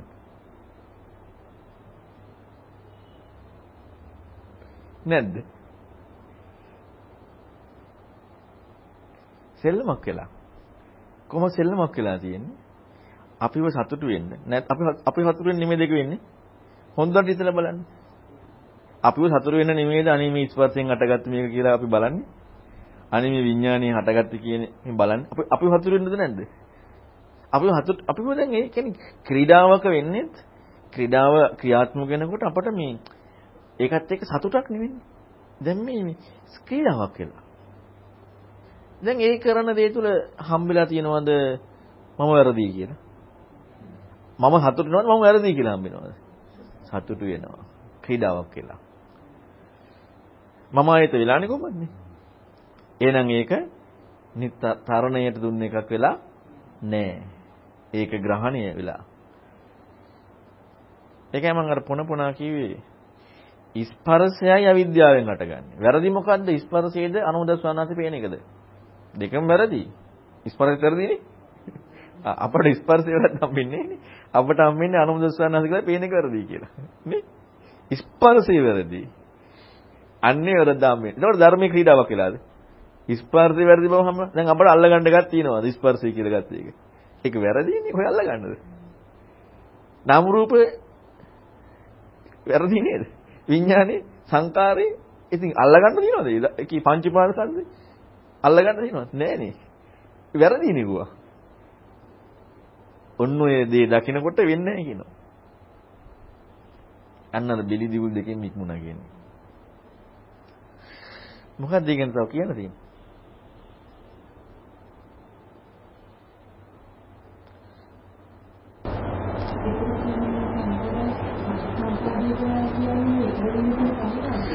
බහුරා බහුරා බොරුවක් වෙන්නේ මේ එයාට. ඔව් ඒ කියන්නේ දැන් මේ ගොඩ ඉද්දී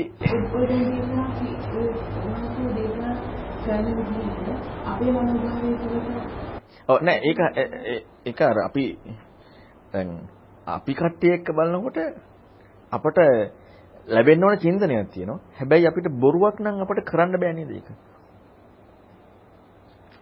දැන් බොරුවක් බවක් දැන් හම්බෙනවා නම් ඉවරයි. අල්ලගන්න දෙයක් ඊට කරන්න දෙයක් නැහැ. හම්බෙන්න ඕන වැරද්දක් කියලා මිසක් වැරදි කියලා නිගමනයක් නෙවෙයි. දැන් මේ කතා කරන්නේ භූත හටගත දෙයක් කියලා කතා කරන්නේ කියන්නේ. දැන් මේ අත්දැකීම. එතකොට දැන් එයාට උපදිනවා යෝනිසු මනසිකාරය. එහෙම කරගෙන කියලා මේ සෝතාපන්න වෙච්ච කෙනාට. දැන් මේ කතා කරන්නේ එතකොට සෝතාපන්න වෙච්ච කෙනාට. ඒ කෙනාටයි අන්න ඒක ක්‍රීඩාවක් මම ආයනියක් කියලා හම්බෙන්නේ නැත්තේ. එතකන් ඉතින් ওই ටික නැද්ද තියනවද? තියෙනවා. ඔව්. මේ ටික තියෙනවා. එතකොට තියෙනවා කියලා කියන්නේ තාම ක්‍රීඩාවක් වෙලා, සෙල්ලමක් වෙලා, ධනයක් වෙලා, මම ආයනිය වෙලා. හරි මෙහෙම බලන්න. ධනයක් වෙන්නේ කාටද? ක්‍රීඩාවක් වෙන්නේ කාටද? අල්ලගන්නේ කවුද? මම ඉන්නේද්දි තින් ඔය ක්‍රීඩාවක් නොකරගෙන ඉන්නේ හරියයිද? මම ඉන්නේද්දි ඔක අල්ලගන්න නැතුව ඉඳලා හරියයිද? මම ඉන්නේද්දි ඔක ධනයක් නොකරගෙන හරියයිද? කරගන්න වෙනවනේ. මම ඉන්නේද්දි.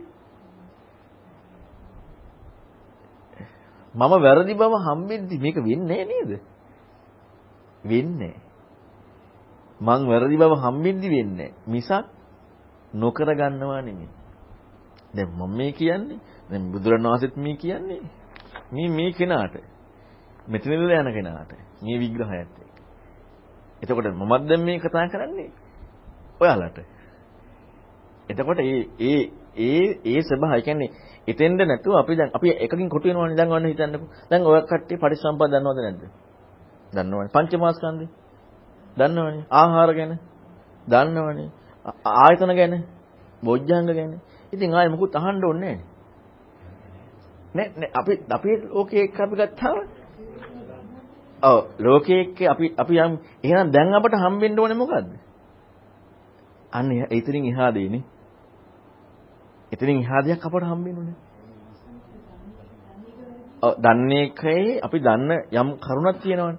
මේ කාරණාවට එහා දෙයක් දැන් හම්බෙන්නේ. හැබැයි ඕක නොදන්න කෙනෙකුට මං කිව්වොත් එහෙම ඕක අල්ලගන්න එපා. දැන් බුදුරණවහන්සේ කිව්වොත් එහෙම මෙතෙන් අර මුලින් ඉඳලම උඹලා ඕක අල්ලගන්න එපා කියලා. හරියයිද? නෑනේ. ඒක හරියන්නේ දැන් මේ බුදුරණවහන්සේ කතා කරන්නේ හොතපන්න කෙනාට. එතකොට ඒ ආපු මට්ටම. ඒ ආපු මට්ටමට. දැන් පටිසමුප්පාදයේ ඔයාලා දන්න කාරණාව පංචපාස්කන්ධය දන්න කාරණාව. දුලේ මහ මොකක්ද යෝනිසුමනසිකාරය කියන්නේ? එහෙනම් තව එකක් හම්බෙන්න ඕනේ නේ. විග්‍රහය. ඒක හම්බෙන්න ඕනේ තර දැනගත්ත කෙනාටද නැද්ද? දැනගත්ත කෙනාට නේ? නොදැනගත්ත කෙනාට ඒක හම්බෙන්න පුළුවන් බෑ. එයාලටයි මේ කතා කරන්නේ. දැන් අපේ අපේ මෙහෙම එකක් නැද්ද බලන්න අපි මේ ඉන්න ඔක්කොගෙම? පංච උපාදානස්කන්ධය ගැන පටිසමුපාදය ගැන ධාතු ආයතන ගැන යම් හරි අපේ කෝණේ අපට යම් රාමුවකින් තේරුම් ගත්ත කොටසක් නැද්ද අපට? තියෙනවනේ. අපට යම් කිසි කොටසක් තියෙනවා තේරුම් ගත්ත කොටසක්.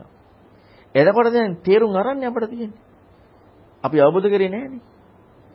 දැන් එහෙනම් අපට ඕනේ මොකද ඒ තේරුම් ගත්තාට පස්සේ. දැන් දැන් අපි මේ අල්ලගත්ත කාරණාව වැරදි කියලා හම්බෙන විග්‍රහයක් නෙමෙයි අවශ්‍ය වෙන්නේ. මේක තේරුම් ගත්ත ඔයාලට අපට තේරුම් ගත තැනදී සාමාන්‍ය මේක හරියට හරියට තේරුම් ගත්තාම සාමාන්‍යයෙන් දැන් සාමාන්‍යයෙන් ඔයාලට පොඩ්ඩක් මෙහෙම හිතනවාද බලන්න කලාතුරකින් ඉඳත් පුළුවන්. අනේ මේ ඔකක්වත් දෙන්නේ දැන් ඔයාලට පොඩ්ඩක් හිතනවාද මෙහෙම අයියෝ මොකටද මේ බොරුවන්නේ මං ගිහිල්ලා කාමයේ සේවනය කරන් ඉන්නවා ෂෝ යයි. ඊළඟට ඉන්න පුළුවන් වේද අනේ මං පොඩ්ඩක් ඔය කාමයේ සේවනය කරගෙන මේව ආතහලා දාලා වැඩක් නැහැ සාමාන්‍යයෙන් ඒක දිගට කරන්න යයි පොඩ්ඩක් හරි මෙහෙම හිතුනොත්. කරන්න පුළුවන් වේද පොඩ්ඩක්? අමාරුයිනේ බෑනේ කරන්න. ඇයි ඒ බැරි? මේ ගැන මොකද්ද අමුතු එකක් ඇවිල්ලා තියෙනවා? හැබැයි මං කියන්නේ ඒක වැරදි කියලා බුදුරණාහි කියන්නේ. ඒක වැරදි කියලා ඔයාලට කිව්වට ඔයාලට බෑ මේ. මොකක් කරන්නද? ඕකට පයින් ගහලා දාන්න. ඒකට පයින් ගහලා දාලා මේ අර කාමයේ සේවනය කරගෙන දුස්සීල වෙලා ඉන්න බෑ. නේ? ඉන්න පුළුවන් නේ? අමාරු නැද්ද? පොඩ්ඩක් යයි. නමුත් ටිකක් අමාරුයි නේ. එතකොට දැන් ඒ අමාරු වෙයි. අර ගත්ත ටික ටිකක් වැඩගත් වගේ නේ. දැනගත්ත ටික. ආ ඒක ඒක ටිකක් මදි කියලායි කියන්නේ. ඒ ටිකට තියා යන්න ඕන කියලා කියන්නේ. එතෙන් යන්න කලින් නම් ටිකක් තියෙනවා මේ මොනවා ටිකක් කියලා දෙන්න. නමුත් එතෙන්ද ගියාට පස්සේ ඒ ටිකත් වැරදි කියලා කතා කරනවා. දැන් අල්ලගන්නේ මොනව හරින්නේ නැද්ද? අල්ලගෙන ඉන්නේ. ඉතින් අල්ලගෙන අල්ල බුදුරණවහන්සේ කියන විදර්ශනාව අල්ලගත්ත වෙන රහත් වෙන්නේ නැහැ කියලා. දැන් මේ විදර්ශනාව අල්ලගත්තේ යම් මානි ධර්මයක්ද? ධර්මයේනේ. ඉතින් විදර්ශනාව අල්ලගත්තත් රහත් වෙන්නේ නැහැ කියනවනම් මේ නේව සංඥා සංඥා යනවා කියනවනම් ධර්මය ගැන කතා කරන දෙයක් නෑ. ආ එතන වැරද්දනේ දැන් දැන් ඔයාලට මම කියලා දෙන්න ඕනේද මෙහෙම. කාමී කියන්නම් වැඩක් නෑ. ඕක සේවනය කරන්න එපා. ඕකේ තියෙන්නේ අසුචි සැපය. අවශ්‍ය නෑනේ. ඒක කතා කරන්න අවශ්‍ය නෑනේ. දැන් දුස්සීල වීම. දැන් ප්‍රාණඝාතය කියන්නේ වැරදි වැඩ. කියන්න ඕනේ නෑනේ. දන්නවනේ. ඇයි දැන්? ඒක අතහැරියා. දැන් වෙන එකක් අල්ලගත්තා. හැබැයි ඊ අල්ලගත්ත දේ ටිකක් වටිනවා. ඒකත් අතහරින්න. ඒකෙන් නික්ම වෙන්න. අන්න ඒකටයි කතා කරන්න තියෙන්නේ. එතකොට එහෙනම් ඔන්න ඔය තැනට අපි මේ බුදුරණවහන්සේ මේ කියනවා දැන් සාතිට ආවයයි සාතිත් ආව මේ යම් කිසි විදියකට තේරුම් අරගෙන ගියා. හිතාගෙන ගියා. හිතාගෙන සාති ගියාට සාති දෘෂ්ටිගතික වුණා. අපටත් ඒක වුණොත් නේ අනතුරුනේ. අපිත් අසඤ්ඤී අල්ලගෙන හිටියොත් නිවනයි කියලා අනතුරුද නැද්ද? අනතුරුයි. අපටත් අරූපය අල්ලගෙන හිටියොත් නිවන කියන අනතුරුද නැද්ද? දැන් අපි මේ යන්නේ විමුක්තියක් හොයන්නද නැද්ද? යද්දී ඕවා හම්බෙනවනේ. ඕවා හම්බෙන එක වැරදි කියලා දැන් අපට හම්බ වෙ යුතුද නැද්ද? හම්බ වෙ යුතුයි. ඒකේ වැරද්දයි අපට කතා කරන්න. ඒකේ වැරද්දයි විග්‍රහ කරගන්න තියෙන්නේ. හැබැයි අර මුල් ටිකේ තේරුම් ගන්න නිරවුල් කරගෙන පැහැදිලි කරගෙන යමක් ආවා. ඒක අල්ලගත්තා. එතනින් අපි මේ යන තැත්ත ඕක ඕක ඇත්තටම මේ නිකම්ම නිකම්ම භාෂාව තාත්විකුණා කියන එක නෙමෙයි. භාෂාවත් ටිකක් තාත්වික වේගන තවත් මේ ටිකක් විග්‍රහයකුත් එක්ක හම්බෙලා තියෙනවා. එතනින් එහාට අපට යන්න නම් මේ මේ කියපු කාරණාවයි අතහරින දෙයක් කතා කරන්න වෙනවා. දැන් අපේ අතහැරුණේ සීලය විපත්ති වෙන එක නෙමෙයිද? ඒක නතහැරුණේ. චිත්ත විපත්ති වෙන එක නෙමෙයිද අතහැරුණේ? ඒක නතහැරුණේ. දැන් අපි හෙව්වද ලෞකික දිට්ඨිය නැතුව ලෝකෝත්තර දිට්ඨියත් එක්ක ලෞකික දිට්ඨියයි ලෝකෝත්තර දිට්ඨියයි කියන එකේ වෙනසක් හොයන්න. දැන් අපට ඒක හම්බ වෙනවද තාම අර දෙක හම්බ වෙනවද කියන ප්‍රශ්නයක් තියෙනවනේ.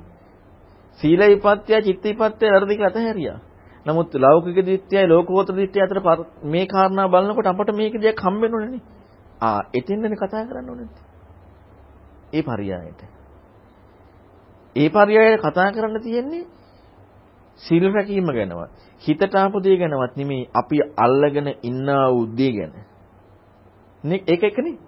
අපි අල්ලගෙන ඉන්නා වූ දේ ගැන කතා කරන්න තියෙන්නේ. ඒක කතා කරද්දී ඒකෙන් ඉක්මන.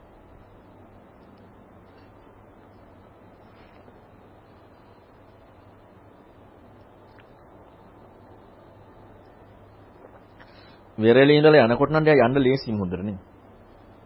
වෙරළේ ඉඳලා යනකොට යටට යනකොට තව අමාරුයිනේ. වෙරළ මුහුදු වැලි ටික පාගෙන වෙරළට පාගෙන පොඩ්ඩක් යනකොට ඒක එච්චර අමාරුනේ. හැබැයි තව ගොඩාක් ගැඹුරට යනකොට ඇයි පීඩනය වැඩි උඩ පීඩනය තියෙනවා. යට ගැඹුර තියෙනවා. ඒ කියන්නේ අමාරු බව වැඩි. ඒක හැබැයි මේ මට්ටමට එන්න ඕනේ. ඈ? ක්‍රමේ නෙමෙයි. ඒ කියන්නේ අපි එතන ඉඳලා අපට එතන ඉහට යන්න අපහසු බවක්ම. ඒ කියන්නේ යන්න දැන් වෙරළේ ඉඳලා යනකොට යන්න තියෙන අපහසුවට වඩා ගැඹුරට යනකොට යන්න තියෙන අපහසුව වැඩි. අපි දැන් ඇවිදගෙන යනවා කියලා මුහුද යටට වෙරළේ ඉඳලා ටිකක් යන්න තියෙන අපහසුවට වඩා වැඩි නේද? තව ඇතුළට යන්න යන්න. අන්න ඒ වගේ වෙනවා. දහම් සාකච්ඡා කරලා ධර්මය අහලා දැන් වහන්සේගේ ධර්මය අහලා ඉන්න කළා දැන් අර වහන්සේ කියනවා වගේ පංච උපාදානස්කන්ධය පරිසම්පාදය ඔය කියන දහම් කාරණා හරියන් සැලකිත ප්‍රමාණයක් අපි දැන් අහලා දරාගෙන ඉන්නවා තමයි. දැන් මේ දහම් සාකච්ඡාව තුළ දෙනත් යම් යම් කාරණා දැන් උපදිනකොට දැන් මේ උපදින අවස්ථාවේදීම ආ අලුත් කාරණාවක් කියලා ඒක සතුට හට ගන්නවා. ඒ සතුට හට ගන්නකොට තව දෙයක් වැටහුණා තේරුණා කියලා දැන් එතෙන්ට යනවා සමහර. දැන් ඊළඟට ගිහිල්ලා කාටද තේරුනේ කියලා හොයනවා. කාටද තේරුනේ කියලා බලුවම තේරෙනවා දැන් මේ මට තමයි තේරෙන්නේ. එතකොට එතනම වැරදි. එතකොට හට ගන්නවා ඊළඟට අයියෝ ඒත් මේක වැරදිනේ කියන්නේ මේක මම මේ තාමත් මේ ලෝකයේ තුල මේක යමක් හොයනව නේද කියලා.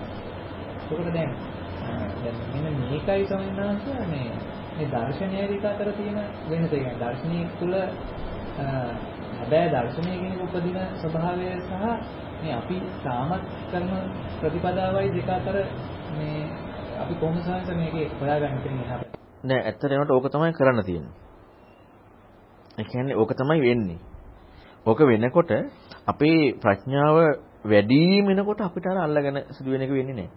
නමුත් අපිට ඔහොම වෙන්න වෙන්න දැන් අපට දැන් දැන් අපි සතුටක් ලැබුවේ කලින් දෙයට වඩා අලුත් දෙයක් හම්බුණා කියලා. සතුටක් ලැබුණේ.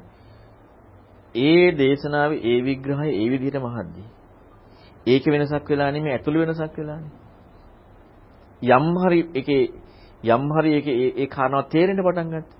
හැබැයි ඒකයි අල්ල ගන්නවා. ඔව් ආය අල්ල ගන්නවා. නතර වෙන්නේ නැහැ.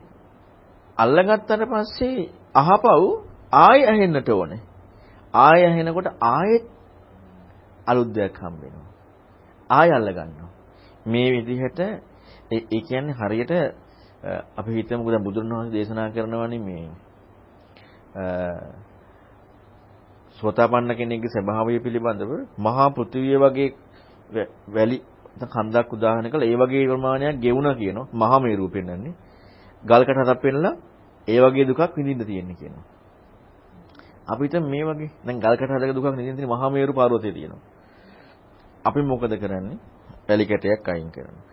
ආය වැලි කැටයක් අයින් ඔන්නෝ වැඩක් කරනවා අපි ආය වැලි කැටයක් අයින් කරන්නේ ආය වැලි කැටයක් අයින් කරනවා ආය වැලි කැටයක් අයින් කරනවා තාම කන්දේ හිමමයි හැබැයි වැලි කැට අයින් කරනවා ගෙවෙනවද නැද්ද ගෙවෙනවා. අපි ඩෝසරයක් අරන් ගිහලා කපන්න පුළුවන් නම් ප්‍රශ්නයක් නැහැ. ඉක්මනින් කපලා දාන්න පුළුවන්. හැබැයි අර වැලි කැටේ වැලි කැටේ අයින් කරනකොට ගෙවෙනවා. හැබැයි අපි වැලි කැටේ වැලි කැටේ අයින් කරන්නේ නැතුව හිටියොත් ගෙවෙන්නේ නැහැ. හැබැයි අපි කරන වැඩේ තුලදී අපට අලුතෙන් අපි ගිහිල්ලා අපි ලොකු දුරක් නගින්න දෙනවා වැලි කැටේ අයින් කරන්න. ඊළඟට ආයි හිතෙන්නේ නැහැ අයියෝ අමාරුයි. තව උත්සුකයක් ඕනේ ඊළඟට යන්න. ආයතනක් ආය අලුත් දෙයක් හම්බ වෙනවා. ආය අයින් කරනවා. ආය අයින් කරනවා. මෙන්න මෙහිම අයින් වෙලා අයින් වෙලා යනකොට අන්න ගෙවිලා යනවා. එතකොට තමයි දර්ශනය ඇති වෙන්නේ. හැබැයි මේ දේ වෙන්නට ඕනේ. දැන් තව එකක් මම කියන්නම්කෝ. දැන් මම හිතන්නේ මෙතන ඔක්කොම ඉන්නේ මම කියන දේ අහන්න කැමතියි. මෙහෙම කියද්දි තෝල එනවනේ. ඒකනේ වැඩි තියෙන්නේ. ඈ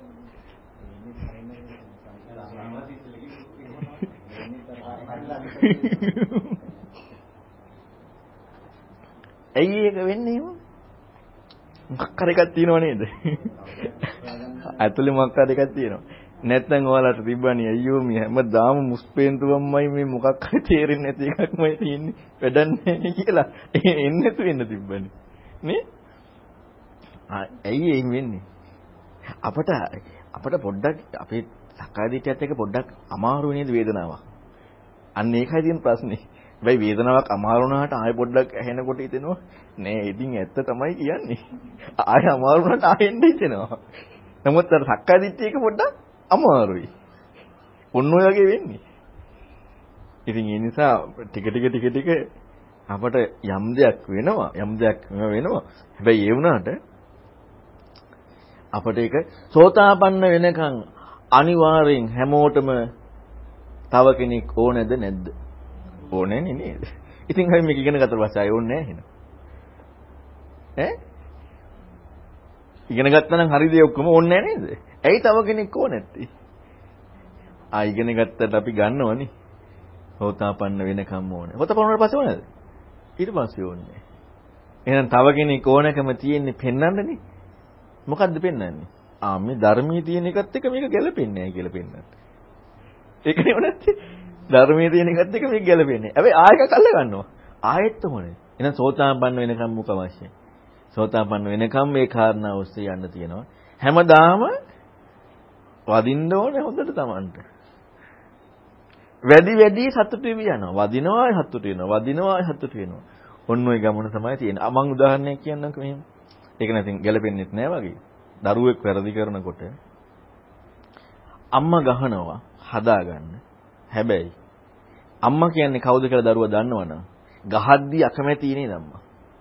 අම්මා කියන්නේ කවුද කියලා දන්නවනම් හිතෙනව නේද? අම්මා නම් හදාගන්න ගැහුවේ කියලා. අන්නේ වගේ වැඩක් වෙනවා. හැබැයි ගහද්දි අමාරුද නැද්ද? ගහද්දි අමාරුයි. හැබැයි අම්මා ගැහුවේ රිද්දවන්න නෙමෙයි. වරද අයින් කරන්න. ඔන්න ඔය බව අපට ධර්මයේ ටික ටික ටික ටික ඉස්සරහට යනකොට හම්බෙනවා. ඉතින් ඒ නිසා මේ නැත්තම් මම ඉන්නවනේ නේ? මාවනේ සතුටු වෙන්නේ. ඒකයි මේක ලෝකෝත්තරයි කියන්නේ. අර ජිප් එකේ උදාහරණ ටිකක් නිතර හිතන්න බලන්න. මම අර ජිප් එකේ උදාහරණයක් කි අන්න එක ටිකක් හොඳට හිතන්නකෝ ඒකේ කියපු කාරණාවත් එක්ක. තව මොනවද මේකේ තියෙන ප්‍රශ්න? ඔන්න අල්ලියත මායත කිව්වා. ඊළඟට ඔය මේකේ අර මේ ආහාර හතර විග්‍රහ කරනවා ආහාර ආසාවෙන් හටගත්තේ. දැන් ඔන්න ආහාර ආසාවෙන් හටගත්තේ කියලා විග්‍රහ කරගෙන දැන් විග්‍රහ කරන්නේ ආහාරද පටිසමුපාදද? පටිසමුපාදනේ. දැන් ආහාර නෙමෙයි විග්‍රහ කරන්නේ. ආහාර කියේ මොකද්ද? හොඳට හිතන්න. සත්‍යයගේ පැවැත්ම. පටිසමුපාදය කියන්නේ දුක. දුකේ පැවැත්මනේ. සත්‍යය කතාවක් නෑ. දුක. ඒ කියන්නේ දුක සකස් වෙන විදිය පටිසමුප්ප. සත්‍යයගේ නෙමෙයි. දුක සකස් වීම. දැන් මේක අවසානය කරලා කියනවනේ. ඒව මේතස්ස කේවලස දුක්ඛ ඛණ්ඩස සමුදය හොති. දුක සකස් වීමනේ. දැන් ආහාර ගැන අහගෙන ගිහිල්ලා තණ්හාවෙන් විඤ්ඤාණ නාම රූප අවිද්‍යාව දක්වා ගිහිල්ලා මේ විදිහටයි දුක සකස් වෙන්නේ කියනකොට ආහාර කියනවද හපෝ? නෑ ආහාර කියන්නේ කවද හම්බෙලා තියෙන්නේ? සත්‍යයගේ පැවැත්ම. දැන් ඒක හම්බ වෙනවද ඊට පස්සේ? ඒක හම්බෙන්නේ පටිච්ච සමුප්පාදය හම්බෙනකොට.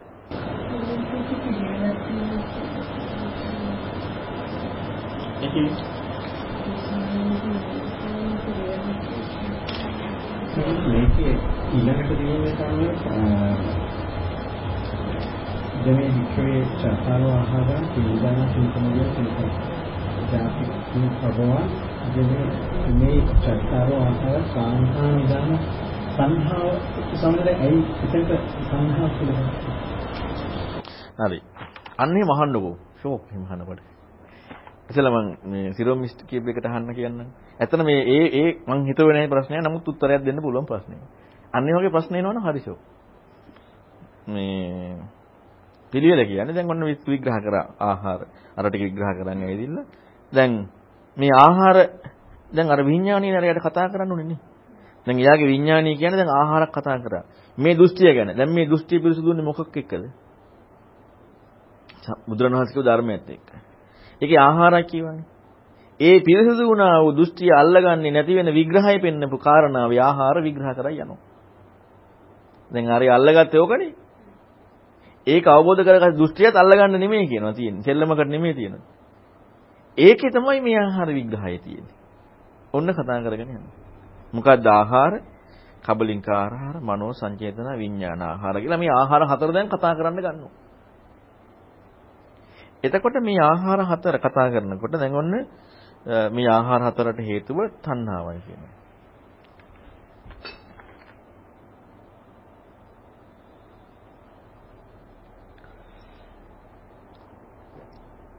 ආහාර හතර නේද හම්බුනේ. ඒ කියන්නේ මොකක්ද ආහාර හතර කියන සත්වයාගේ පැවැත්ම එක්ක. ඒ සත්වයේ විග්‍රහයක් එක්ක නේද දැන් පැවැත්ම හම්බෙලා තියෙන්නේ. ආහාර හතරත් එක්ක. එතකොට මේ එතනම කියවිලා ඉවරයින් තණ්හාව.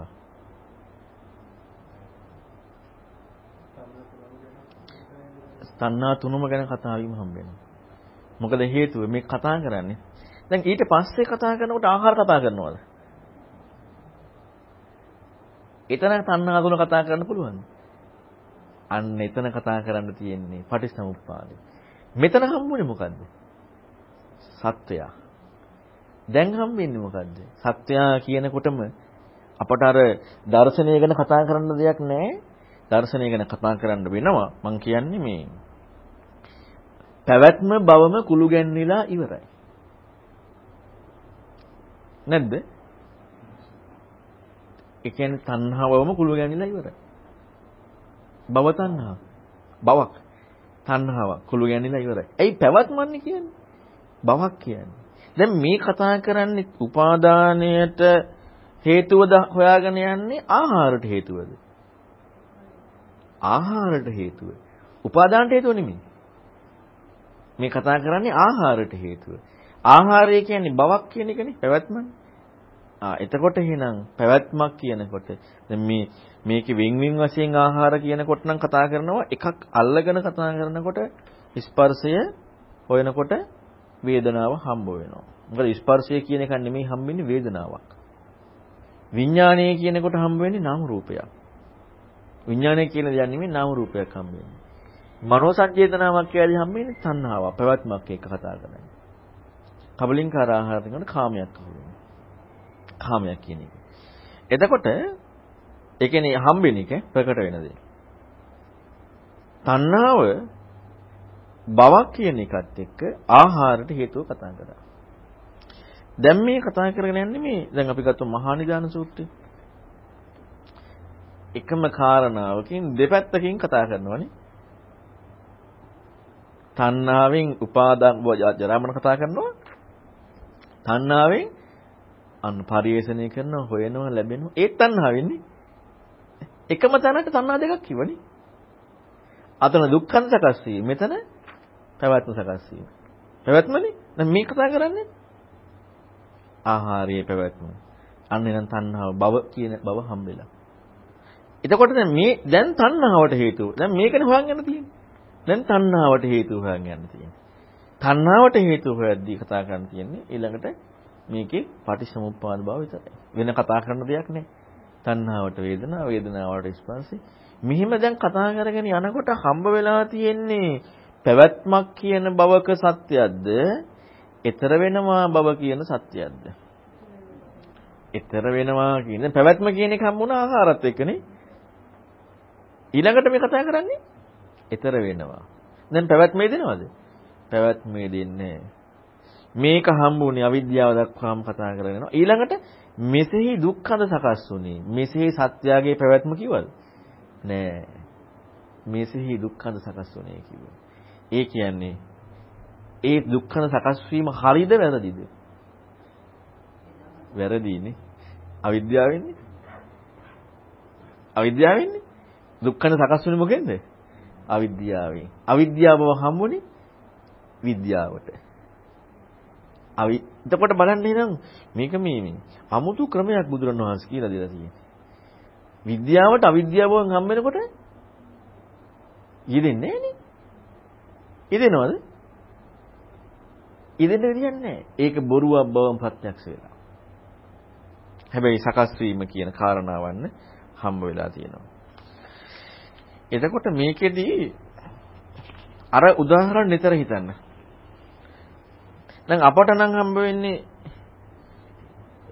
වේදනාවක් මැන්නොත් මටද නැද්ද හම්බෙන්නේ? මට වේදනාව කියලා හම්බෙනවද නැද්ද? වෙන මනින්න විදිහක් නැහැ ස්පර්ශය හම්බ වෙන්නේ. බවක්නේ.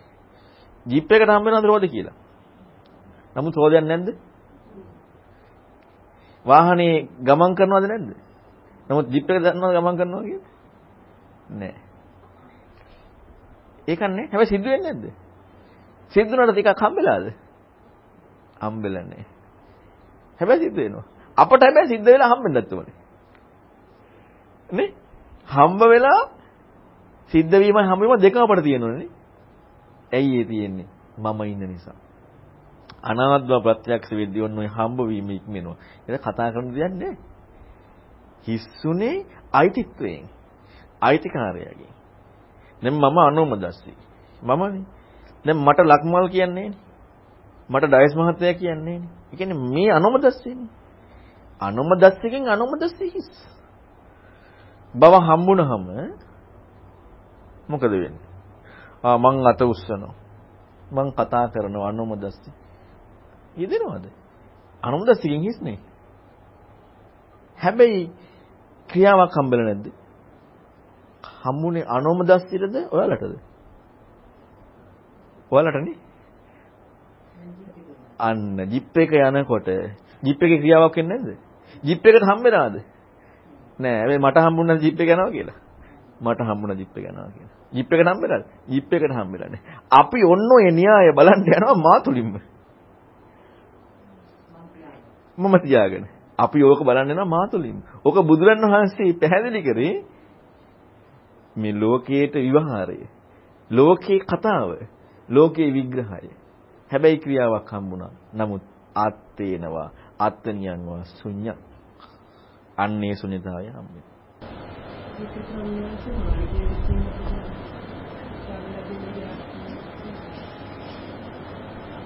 මං කියනකොට මේ තව එකක් කියන්න. අ කැමතිද ඔක්කොම කට්ටිය ටිකක් හිතෙන්න මොනවද ඇහෙනවට?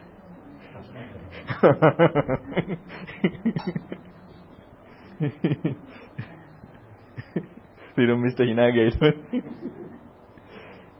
මේ ආයෙ ප්‍රශ්න කියන්නේ? නේ නේ අවන්තෝ ඒකෙදි එක ප්‍රශ්නේ පොඩි වැරද්දක් තියෙනවා. ඔව්. නේ. වෙන්නේ නේ.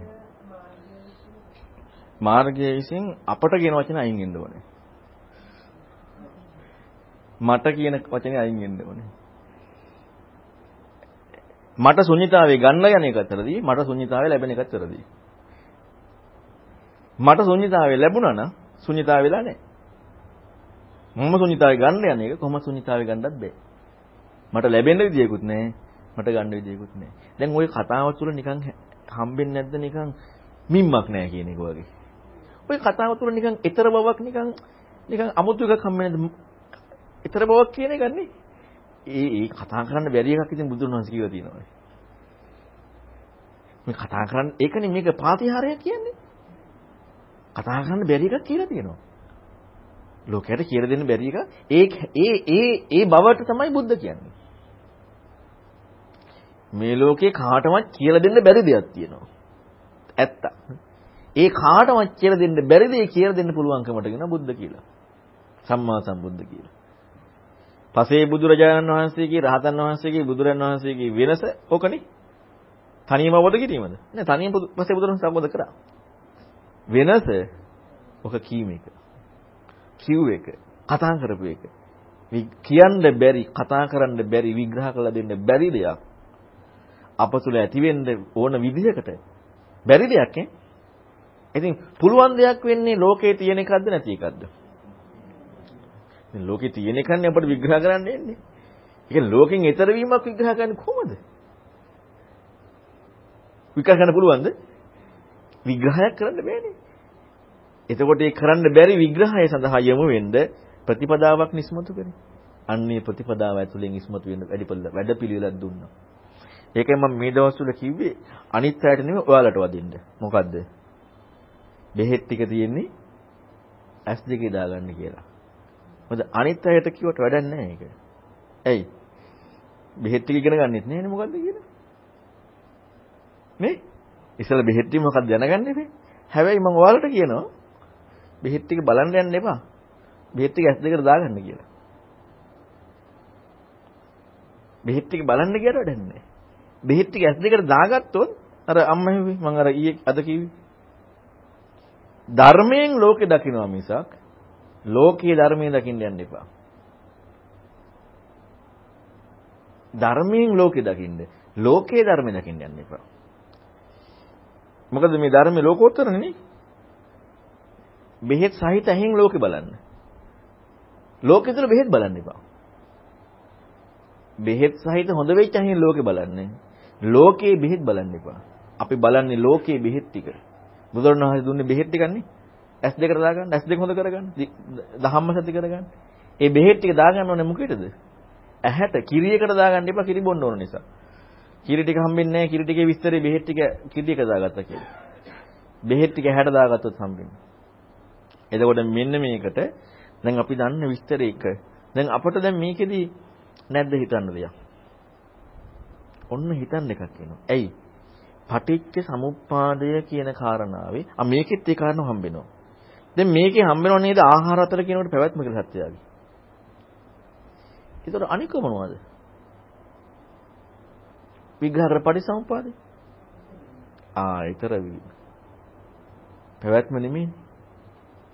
ඒ කියන්නේ අනුගස්වන්නන්සේ පේන විදිහට කතා කරලා තියෙන්නේ. පෙනීම ඉක්මවන විදිහද? ඉක්මවන විදිය. පේන්නේ? ආ මේ ආහාර හතර පැවැත්මත් එක්ක. අර කතා කරේ පෙනීම ඉක්මවන විදිහ.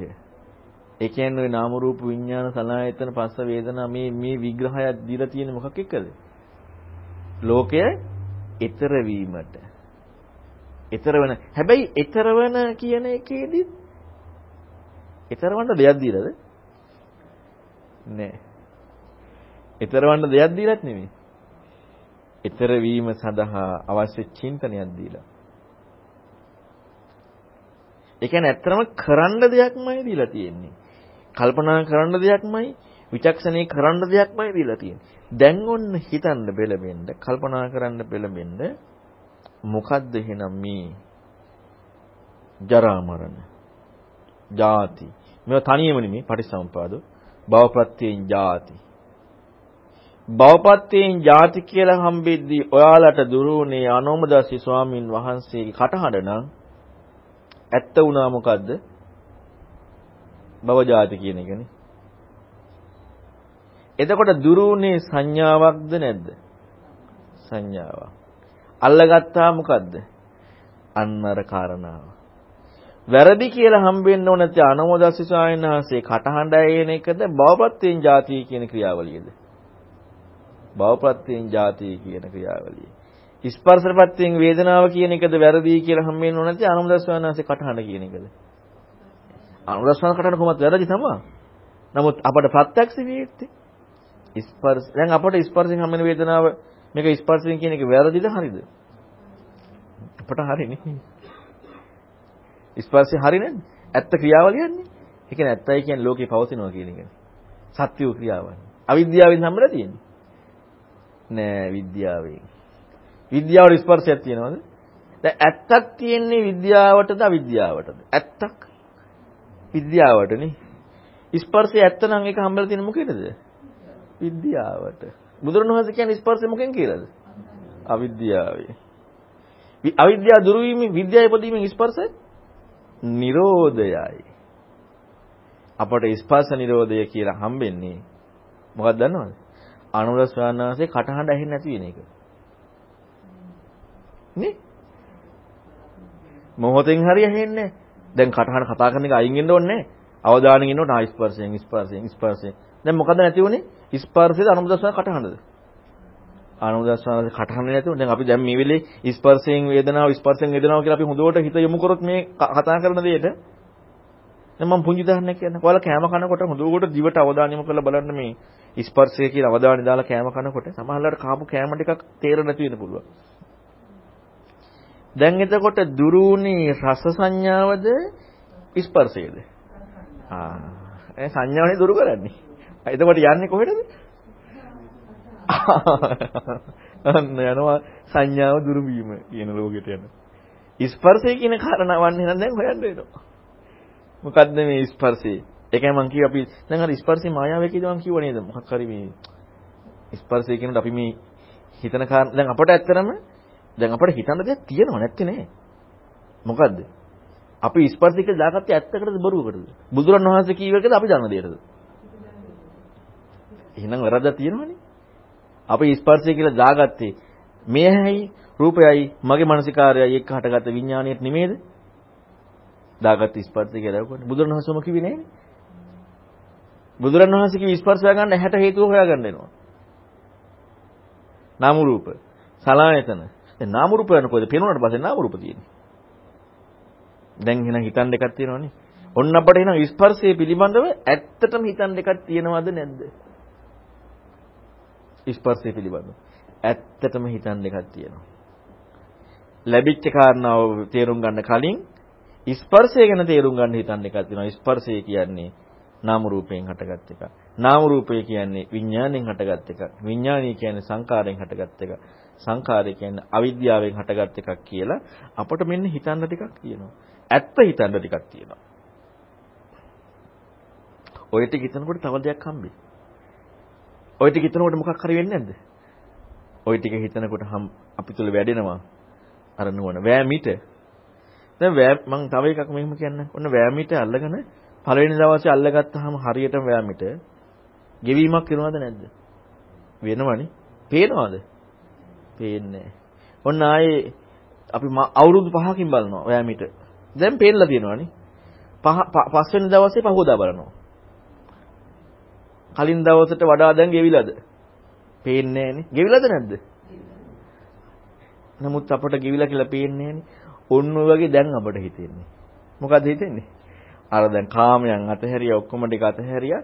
ඒ ටික ඉවරයි. අනිත් ඔක්කොම ටික ගෙවිලා. නමුත් දැන් අද එකයි කල්පනා කරන එකයි හෙට කල්පනා කරන එක අතර පරතරයක් අපට හම්බ වෙනවද? නෑ. හැබැයි ආය අවුරුදු පහක් ගිල බැලුවොත් අන්න ගෙවිලා. හැබැයි ගෙවුනේ ඊට කලින් ඉඳලාමද නැද්ද? ඊට කලින්. හැබැයි අපට ගෙවුන බවක් හම්බෙලාද? හම්බෙලා නෑ. අපි කැමති ගෙවුන බවක් හම්බෙනවාට. නැද්ද? අපි කැමති ගෙවුන බවක් හම්. නමුත් ගෙවුන බවක් හම්බෙලා නෑ. හැබැයි ගෙවිලා ඒ වුණාද? ඔන්න ඔය ගෙවීම සිද්ධ වෙන්නට ඕන.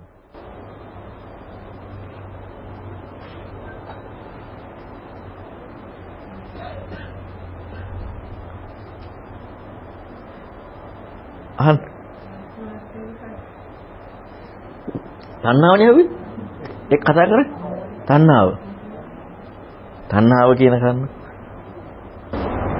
සතර ආකාරයේ කියන තැනදී අල්ලා කරන සත්‍යයේ පැවැත්මක් නේ. ඒකවල මේ සතර ආහාරයේ එතනදී සත්‍යයේ ප්‍රගතිමයි කියලා කියන්නේ සතර ආහාර ප්‍රතිවීමක් කියන එතනදීම කියන තමයි මෙතන සත්‍යයේ ප්‍රගතිමක් කියන සංකල්ප සතර ආහාර ප්‍රතිවීමක් කතා කරන්නේ එතකොට පව- එතකොට කතා කරන්නේ ඇත්තටම මේ මේ නිත්‍යයි කියන එක තියෙනවා කියන එකත් එක්ක. ඒ කියන්නේ මේ ඒක රයිස් මහත්තයා මට කාරණාවක මම තාම ඒක කල්පනා කරමින් යනවා. මේ ඒ කියන්නේ මේ පැවැත්මක ස්වභාවයක් නේ හම්බෙලා තියෙන්නේ. තිතියක ස්වභාවය. එහෙම නැතුව ස්ථිර දෙයක නෙමෙයි. ඔව් අන්න තිතිය මෙන්න මේකක් හම්බෙලා තියෙන්නේ. ඒකක් එක තමයි කතා කරන්නේ. එහෙම නැතුව මේ කතා කරලා පෙන්වන්නේ තියෙනා වූ ස්වභාවයක් එක්ක නෙමෙයි. එහෙම කතා කරොත් අර කාරණාව හරි. දැන් මෙතන මේ අහන්නේ භූත මිදන් කියලාමනේ අහන්නේ. හටගත්තා කියලාමනේ අහන්නේ. දැන් අතන හටගත්තා කියලා නෙමෙයිනේ. එතන හම්බෙන්නේ අතීතයේ ඉඳලම එන්නා වූ මමික් කලින් හිටියා වූ කෙනෙක් පේනවා. අවංකවම හිතලා බලන්නකො මෙහිම. අවංකවම මම දැන් කතා කරන කටහඬ කලින් කටහඬද නැද්ද? කලින් කටහඬ නේ. ඒතකොට කලින් කටහඬ කියලා අපිට ගිහිල්ලා ඉවරද නැද්ද? හටගත්ත බවක් හම්බෙලා නැහැ. එහෙනම් හටගත්ත බවක් හම්බීමත් එක තමයි ඒ හටගත්ම දෙහි පැවැත්ම සතර ආහාර බව හම්බෙලා තියෙන්නේ. ඒ හටගත්ත දෙහි පැවැත්මයි සතර ආහාර බව හම්බෙලා තියෙන්නේ. එතකන් හම්බෙලා තියෙන්නේ හටගත්ත දෙහි පැවැත්ම සතර ආහාර කියලා නෙමෙයි. අපි දන්නා වූ ආහාර ටික. අපට ඒ නිසා අවශ්‍යයි කබලින්කාර ආහාරය විග්‍රහ කරගන්න මොකක් එක්කද? භෞතිකයක් එක්ක, සාස්වතයක් එක්ක, නිත්‍යයක් එක්ක. අවශ්‍ය නැද්ද? එතකන් හොඳට බැලුවොත් අපි යම් සිහියෙන් මේක අතට පහසෙන් දැනුණා කිව්වට හිතෙන් හිතෙන්නේ නැද්ද පුටුවේ කියලා? හිතෙනවනේ. පහසෙන් හම්බුනේ පුටුව කියලා දැනගත්තට හිතෙන් හිතනවා පුටුවේ කියලා. අනෝදස්වානාසේ කටහඬ හැන්නේ කණෙන් කියවට මගේ නෙමෙයි දැනෙන්නේ කටහඬ. ඒ බවක් හම්බ වෙනවා. ඒ කියන්නේ අපිට මොන විදියට කතා කරත් අපි යනවා ඊළඟට අර අපේ කෝණයට එක දාගන්න ලෝකයේ පැත්තෙන් විග්‍රහයක් කරගන්න කිව්වා. නමුත් මේ දැන් මෙතන එතකොට මේ ආහාරයේ ස්වභාවයනේ මේ කියන්නේ. මෙතන ආහාර සමුදය කියනවා. හැබැයි ආහාර සමුදය කොහොමද කියන කාරණා මෙතන විග්‍රහ කරනවා පටිසම්පාදික. අන්න එතනයි ආහාර කියන කාරණාව හම්බෙන්නේ. එහෙම නැතුව ආහාර කියන කාරණාව හම්බෙන්නේ නේ. තණ්හා සමුදයත් එක්ක ආහාර කියන එක හම්බෙන්නේ. ඒකත් එක්කමයි ඊතර එහෙම තියෙන්නේ. කවුද එනකම් මේකදී දැන් අපි අස්ත කියන එකේ වරද වෙනවා වගේම ඒ විදිහට මිහාම ගන්න අවිද්‍යාව කියන එක ඒකේ ඒ තමයි වරණක් අවු වෙන්න ඕනේ නැත්නම් ඒක අවශ්‍ය වෙන්නේ අවිද්‍යාව කියන එකම වරද. ඒ කියන්නේ අවිද්‍යාව කියනකොට අපිට දැන් අනික්ව බලන්නකෝ මොකක් හරි මනින්න පුළුවන්. අවිද්‍යාව කියන එක මනින්න බෑනේ. ඒ කියන්නේ අවිද්‍යාව කියලා හම්බ වෙන්නේ විද්‍යාවක් එක්ක. නැත්නම් අවිද්‍යාව මැනීමක් වෙන්නේ දැන් අපට සංඛාර බව කියන එක සමාජීය විග්‍රහයත් එක්ක අපට ඒක මට හම්බෙන දෙයක් එක හම්බ වෙනවා. අවිද්‍යාව කියන කාරණාව විද්‍යා සංඛාර බව මේ විඥාන බව නැත්නම් මේ පටිසම් මේ අපට මේ බුදුරණවහන්සේ ධර්මයේ කියන එකත් හම්බ වෙන්නේ අපට යමක් කියලා ලෝකයේ පැවැත්මක් එක කියන්නේ ලෝකයයි ලෝකෝත්තරයි කියන දෙක එකරනේ පැවැත්මක් තියෙන්නේ. ලෝකෝත්තර කතා කරන්න පුළුවන්ද ලෝකෙ නැතුව? ලෝකයක් එක්කයි ලෝකෝත්තර කතා කරන්නේ. එතකොට අවිද්‍යාව කතා කරන්නේ මොකක් එක්කද? විද්‍යාව එක්ක. අවිද්‍යාව කතා කරන්න තියෙන්නේ ඒ කියන්නේ දැන් මේ හොයාගෙන යන වැඩපිළිවෙල දුක පිරිසිඳ හොයන එකක් නේ. දුක පිරිසිඳ හොයනකොට හම්බෙන්නේ සමුදේනේ. සමුදේ හම්බෙද්දී සමුදේ නිරෝධයෙන් දුක නිරුද්ධ වෙන්නේ. ක්‍රමයක් කරන්නේ නැද්ද?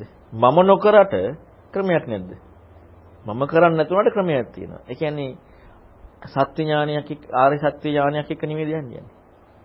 එතකොට දැන් මේ හොයන සංඛාරය හොයන්නේ, විඥානය හොයන්නේ, නාම රූපය හොයන්නේ, ආහාර හොයන්නේ, පිරිසිදු හැවීමක්, සමුදය හම්බවීමක්, නිරෝධ ලැබීමක්, වැඩපිළිවෙලක් නේ.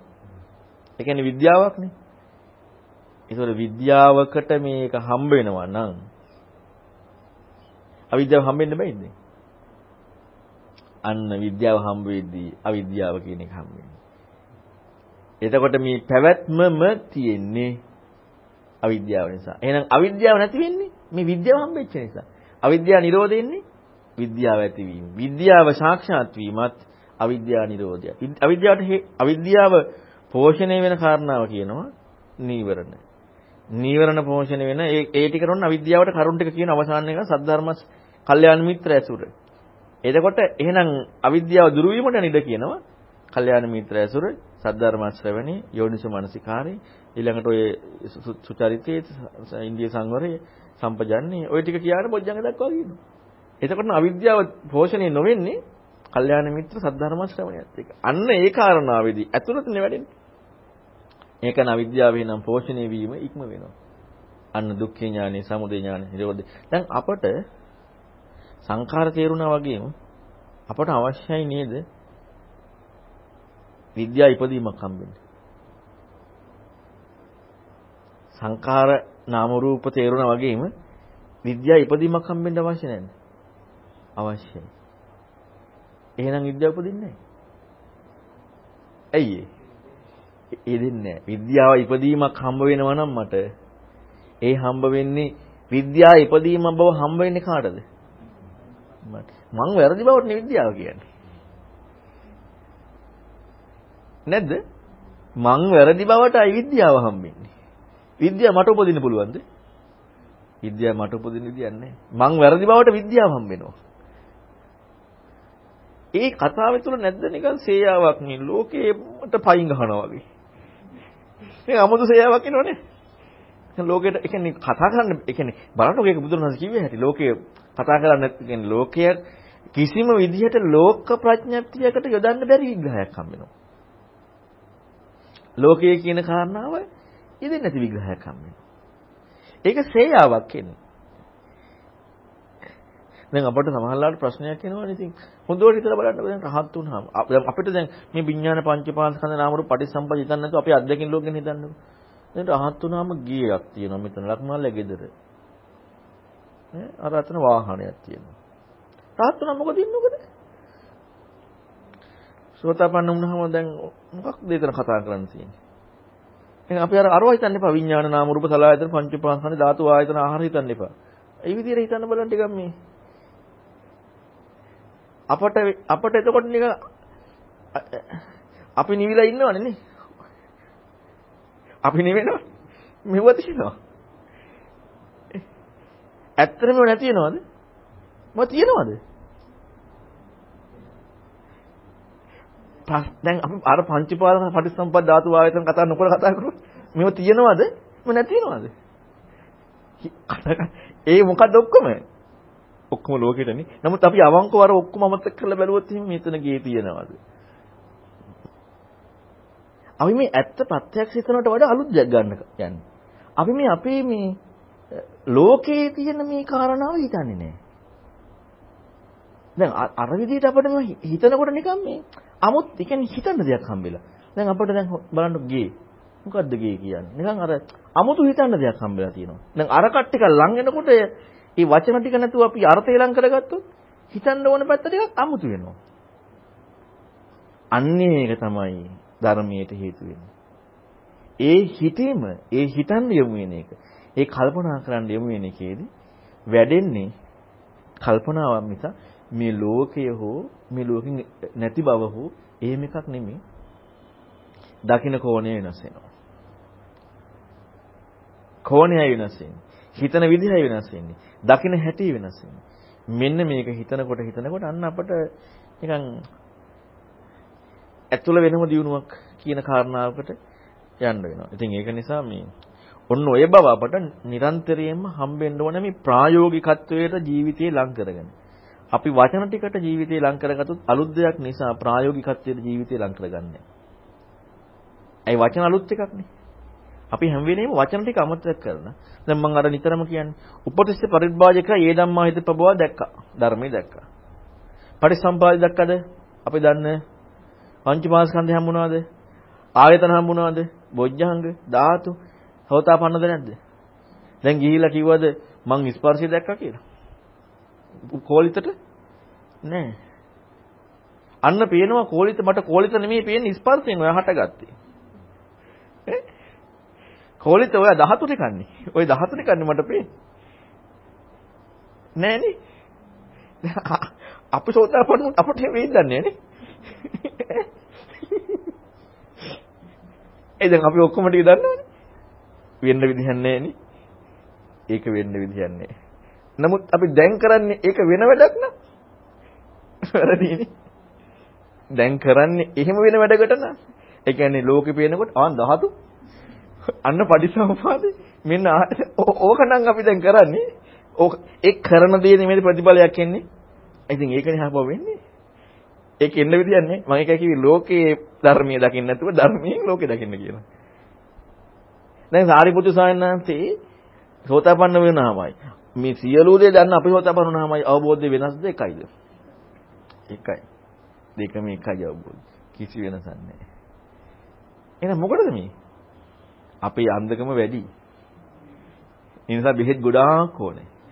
උපදී පරිබ්‍රාජකයාගේ පුංචි බෙහෙතකින් අන්ධකම දුරු වුණා. දුරු වුණේ අන්ධකම. බෙහෙත පොඩ්ඩයි. අපට බෙහෙත් ගොඩාක් ඕනේ.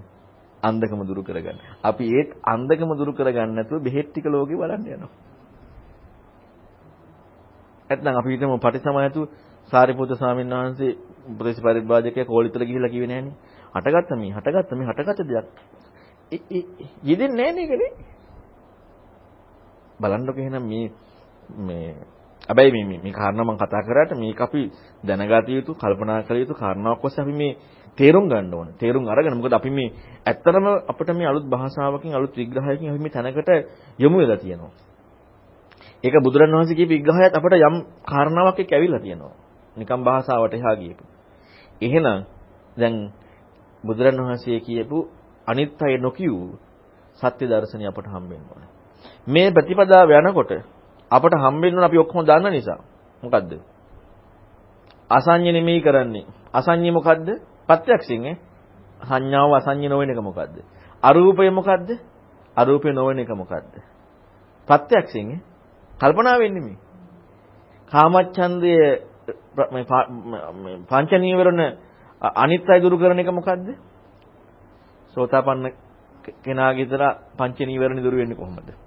දහ ආකාරයකට කියනවා පංච නීවරණ. බොජ්ජංග පුත්තජනයා වඩන හත් ආකාරය කොහොමද? අපට හත් ආකාරයක් හම්බෙන්නේ 14 ආකාරයක්ද? හත් ආකාරයක් හමුනොත් පුත්තජනයාගේ ටික හම්බෙලා තියෙන්නේ. 14 ආකාරයක් හමුනොත් අන්න ආර්ය ශාවකයාගේ ටික හම්බෙනවා.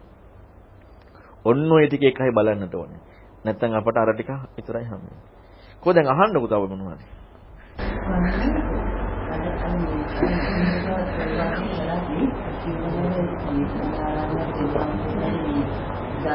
පොඩි ආරයන් යන දුකේකට මාව පුච්චනවා ඒක සම්බන්ධ නැහැ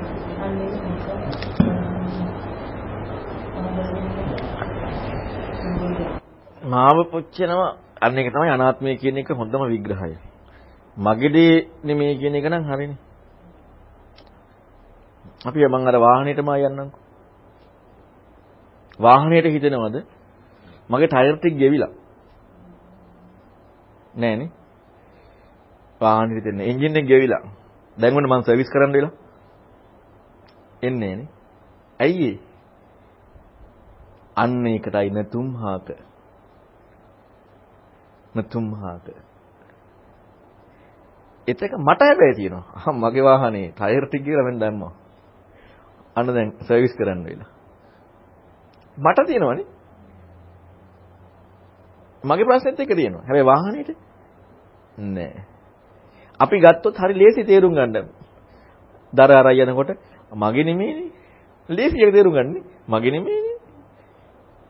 ඒක ඕන කෙනෙකුට තේරෙනවද නැද්ද? තේරෙනවනේ. මම නෙමෙයිනේ කිව්වනම් තේරෙන්නේ නෑනේ. මම පුච්චනවා. මම ගෙනියනවා. දර ගෙනියනකොට එහෙම හිතෙනවද අහනවා. මගේ දේ ගෙනියනවා නෙමෙයි ඈ.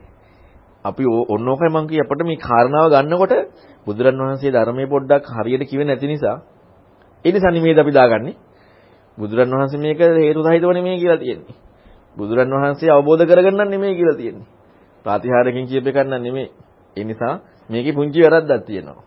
මේතන තියෙන්නේ මම අරන් යනවා කියලා නෙමෙයි මගේ දේ අරන් යනවා නෙමෙයි කියලා තියෙන්නේ. දාගන්න වෙනව නේද අපිට? ඇයි ඒ? යෝනිසෝ මනසිකාරය ඉපදෙන්නට කියපු විග්‍රහය ගැළපීමට දාගන්න යනවා. අපි දාගන්නේ එතන මගේ දේ අරන් යනවා නෙමෙයි කියලායි මේ විග්‍රහ කරලා තියෙන්නේ කියනවා. ඒක තේරෙනවනේ අපිට. තේරෙන දේ දාගත්තා. බුදුරණවහන්සේ විග්‍රහ කරන්නේ මං අරන් යනවා නෙමෙයි. නුඹලා අරන් යනවා කියලා නුඹලාට හිතෙනවද අහනවා. නුඹලා පොච්චනවා කියලා නුඹලාට හිතෙනවද අහනවා. නෑ කියනවා. ඔන්න එහෙනම් හිතන්න ඕනදී. ඒ කියන්නේ මේ දර කියන්නේ දරනේ. දර කියන්නේ දර. දරෙහි දර බව. දැන් දර මම වෙලා වගේ ඔය කියන්නේ. දර මගේ නෙමෙයි. ඒ කියන්නේ මේ වගේ උදාහරණයක්. මම දර කෑල්ලක් වගේ. ඔන්න ඔය ඔය වගේ කතා කරන්නේ. මං දර කෑල්ලක්. මං දර කෑල්ලක්. මව පුච්චනවා. දැන් මං දර කෑල්ලක් වුණොත් මව පුච්චනවා කියලා තියෙන්නේ. එහෙම නේද හිතන්නේ? මං දර කෑල්ලක් වුණොත් මව පුච්චනවා. දැන් මං දර කෑල්ලක් කියලා හම්බුණා නම් ඒක හරිද වැරදිද? වැරදි. අර්ථවත්ද අනර්ථවත්ද? අනර්ථවත්. යෙදෙනවද යෙදෙන්නේ නැද්ද? අන්නේ විද්‍යාව කියන පංච පාස්කන්ධය. පංච පාස්කන්ධේ මං දර කෑල්ල වගේ. මගේ දර කෑල්ල නෙමෙයි මං දර කෑල්ල. මං දර කෑල්ල වගේ. මොකද්ද? රූප වේදනා සංඥා සංකාර විඥාන. මං දර කෑල්ල වගේ. මං දර කෑල්ල කියන එකක් හම්බෙන්නේ අන්නේ වගේ අසාර බව. ඉනොයදෙන බව. පංචපාස්කන්ධය හම්බ වීමයි අනාත්මය කියලා කියන්නේ.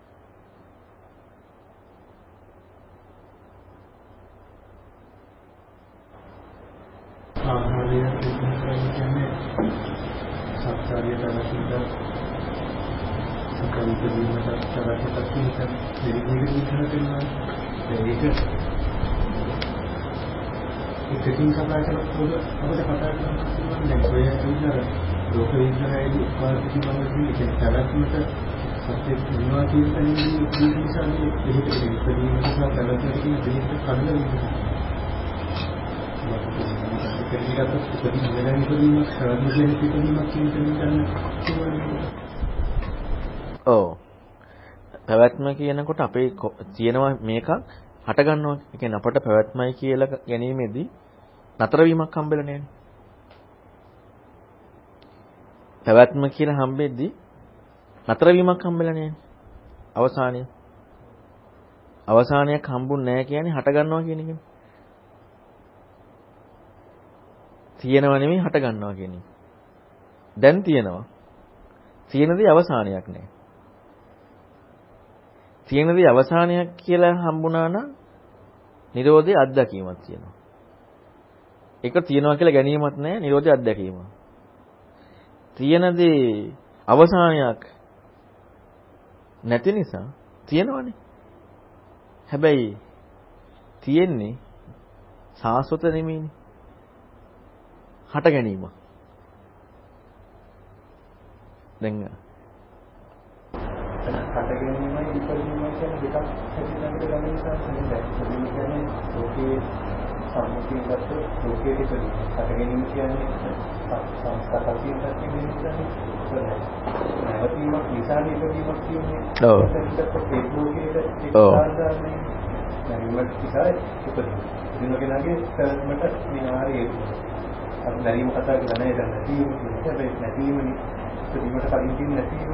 ඔව්. නැවීමක් නිසා ඉපදීම. දිනකෙනාගේ කර්මකට විනාරයේ අපි දැරීම කතා කරලා නැහැ දැන් නැතිවීම කියන්නේ හැබැයි නැතිවීමනේ ඉපදීමට කලින් තියෙන නැතිවීම අපිට ඉපදීමක් කතා කරන්න බැහැ කියන එක ඇයි ඒක කතා කරන්නේ අපි දැන් ගමුකෝ දැන් ගැන. දැන් දැන් පැවැත් දැන් හම්බෙන්නේ පැවැත්මනේ. දැන් කවදාවත් ඉපදීමක් හම්බෙන්නේ නැහැ.